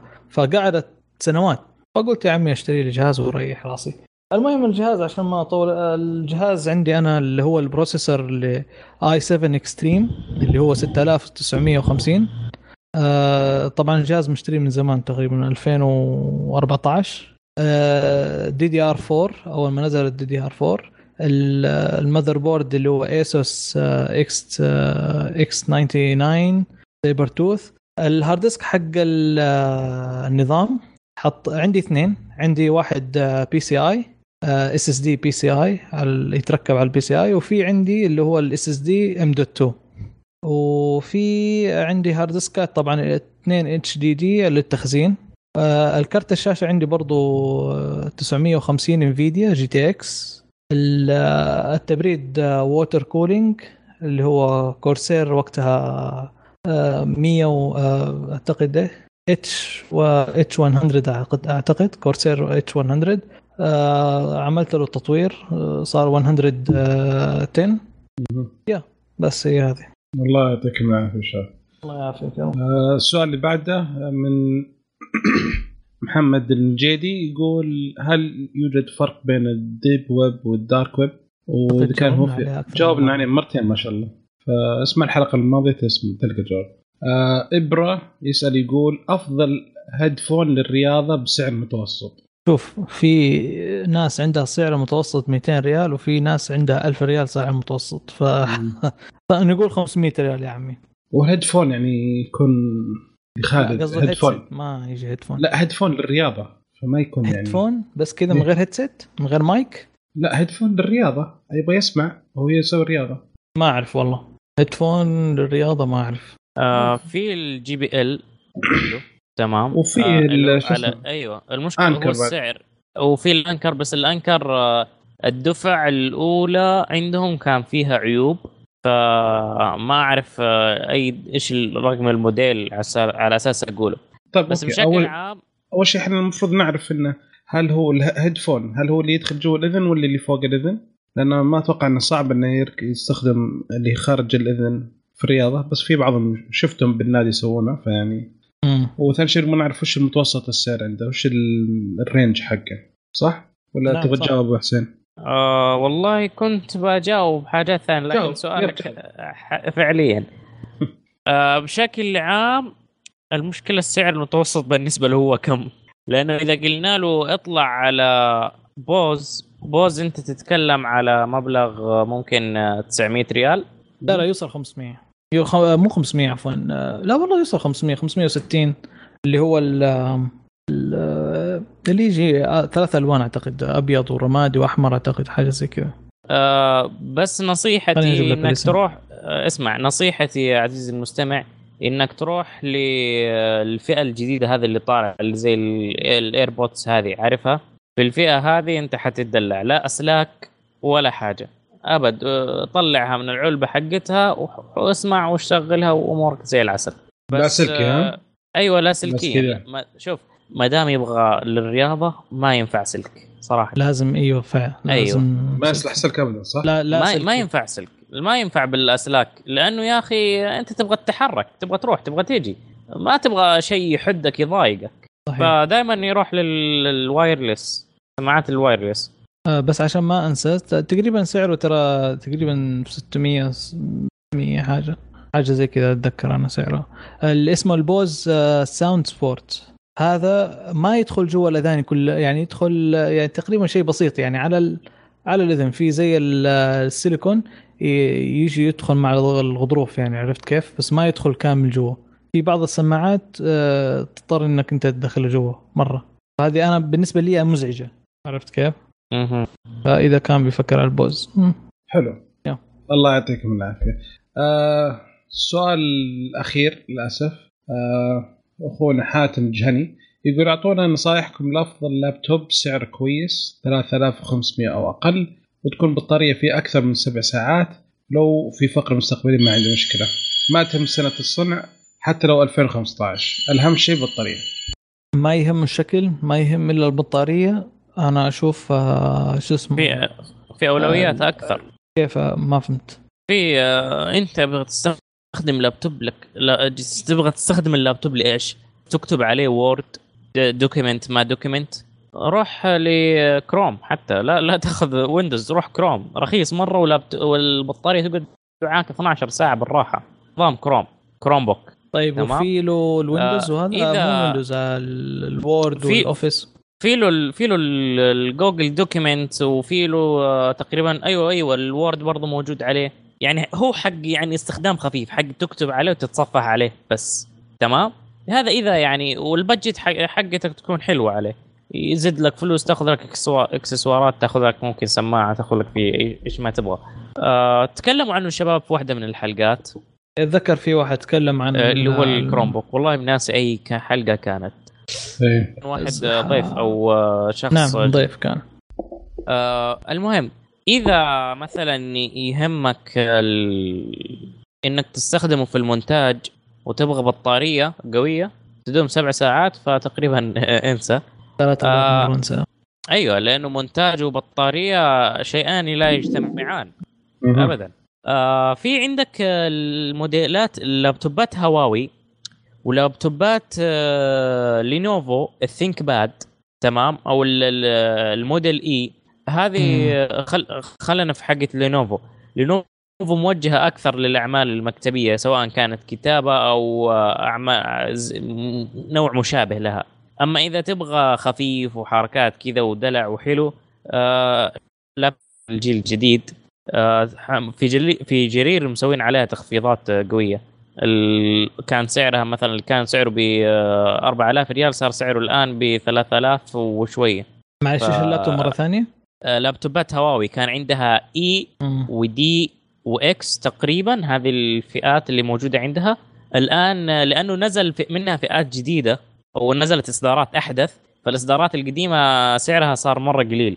تقدر تقول بأنه 25% من السعر طاح. يعني آه. الجهاز آه، عندك آه، جهاز آه، اي تقريبا أو دي كان سعره أذكر أنا كان ب 4600 الآن ب 3000 وشوية. فمبلغ كويس لجهاز آه، محترم. أنا إلى الآن أشوف كاستخدام شخصي قد استخدمته أيام وقت العمل أو عندنا في العمل برضه عندي لابتوب ال Windows. حق ال ThinkPad ThinkPad بس اللي عندي أنا i آه، i 7 آه، في i 5 آه، موديل قد يعني موديل 2016 ممكن تلاقيه برضه بنفس السعر زي كذا. ممتاز جدا وسريع جدا. يعني ال... آه، أهم شيء يكون آه، أهم شيء يكون ما يكون كربون يكون من فئة E زي ما تفضل أخوي حس- حسين. آه هذه عن تجربة شخصية يعني جربتها لمدة تقريبا سنة. أوكي كذا الله يعطيكم العافية. أعتقد إنه كذا غطينا السؤال كامل. آه آه. باقي واحد. آه معلش بدر. آه في واحد آه رد على التغريدة نفسها. مو الحلقة هذه الحلقة اللي راحت ونسينا صراحة نقول سؤاله. تغريدة اللي إيش؟ هو تغريدة ال- أيوه تغريدة البودكاست. نفسه. أي. آه آه. اللي هو هنا يقول آه ظبيان الشهراني أو الشهري آه سؤال للجميع آه ما هي التقنية الحديثة أو الجهاز اللي راح تشتريه أو تتمنى نزوله هذا العام؟ هذا العام. آه والله العام. بدر الجوال آه. الموزة و ون بلس خلاص انتهينا. خلاص نزلوا تحققت أحلامه هذه السنة. مضر؟ آه والله يا أخي أحب التقنيات الهندسية أنا أكثر شيء. خاصه اللي في في المعماري بالنسبة للجوالات آه، أو هذا أتمنى يكون في جوال موجود في- طبعا في جوال اللي هي أعتقد آه، فيفا مو مو فيفا أو Vivo. Vivo أو حاجة زي كذا Vivo Vivo إيه. ال Apex اللي Apex. هو لا مش ال Apex يسموه اللي هو اللي يقرأ البصمة نفسها اللي هي إيه، الشاشة. حقتها بصمتها في نفس الشاشة نعم موجود إيوه موجود بس. البورشا ال Porsche Design. الجديد هذا. ترى نص الشاشة من تحت أو أقل من نص الشاشة من تحت ترى آه، بصمة عادي. تحط. صباعك على الشاشة ويفتح. في الشاشة سعره؟ نفسها. آه، بالضبط. 6000 كم سعره؟ 6000 دولار؟ 6000 لا خ... ريال ريال ريال. ريال ها لا خلينا على ال Vivo. Vivo خلينا على أرخص. ال Vivo. بكم؟ ب 300 دولار؟ ما أعرف. في في بالمناسبة في فيفو آه، في يوم 12 آه، June الشهر الجاي يونيو. حيعلنون عن هاتف. أغلب الظن حيكون ال Apex الرسمي لأن أول كان بداية السنة كان بس concept يعني عرض جهاز عرض. ما هو الحين حيكون رسمي في 12 أغلب الظن حيعلنوا عنه رسمي. يكون شاشة الواجهة كلها شاشة ما في لا قذله ولا شيء كله والكاميرا أصلا حتكون مخفية. فيمكن هذا هو اللي هذا الواحد بده يشوف يستنى شوي نشوف وش يصير. بيجي كمان vanilla Android ممتاز كذا. أنا كذا حشتري. والله من جد لأنه ال vanilla Android يا أخي ممتاز. في ال update فهذا يساعدك في كل حاجة. ممتاز ال vanilla update لأنه هذا اللي أنا أشجعه. ياخذوا vanilla Android لا ياخذوا شيء ثاني. ما ينفع شوكليت آه. لا. لا صح؟ اي خلاص أقول طيب آه، وأنت حسين وش اللي تقني ننتظرها؟ والله ما ف... آه... تقدر تقول Note الجاي بس ماني من... ماني متوقع إنه يكون فيه آه... هذاك التطوير فما أنا. منتظر أي شيء. لكن لو بقول إني أبغى شيء آه... أبغى جوال بعتاد آه، كمبيوتر حرفيا. إن شاء الله. أبغى جوال بعتاد كمبيوتر. بعد كم سنة؟ آه... ممكن حيكون بعد سبع سنوات لكن أنا أبغى الآن طيب يعني كيف؟ بعتاد كمبيوتر يا عمي في جوالات قاعد تنزل 6 جيجا. بقوه أقوى من ال Mac القديم حقي يا رجل. لا خل ال Mac. هذه نظامهم استغفر الله يعني وضعهم في في المواصفات. ما. حارد عليك. في كذا إحنا وصلنا أخيرا نهايه الأسئلة. أقطع السالفة. فبالنسبه للأسئلة إحنا بالعادة نجاوب على الهاشتاج اللي هو آه، اسأل كشكول تقنية. إذا كان في سؤال حطيته على التغريده حقت البودكاست حي- واحد من الاعضاء حيرد عليك مباشرة بس ما حنرد عليك في البودكاست. عشان كذا تبي تسأل اسألوا على الهاشتاج آه، نصيحة للجميع يعني. آه كذا نكون وصلنا لنهاية الحلقة. آه شكرا أخوي حسين. العفو. شكرا أخوي مضر الله يعطيك العافية.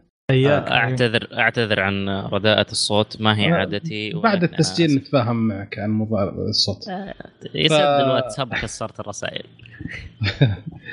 في النهايه شكرا على استماعكم لنا. وأتمنى أنكم تقيمونا على ال iTunes وتزورون الموقع وتشاركونا بآراءكم عن مواضيع الحلقة. ردودكم دوما تهمنا. نتمنى أنكم تتابعونا في ال social media على تويتر وانستغرام وسناب شات.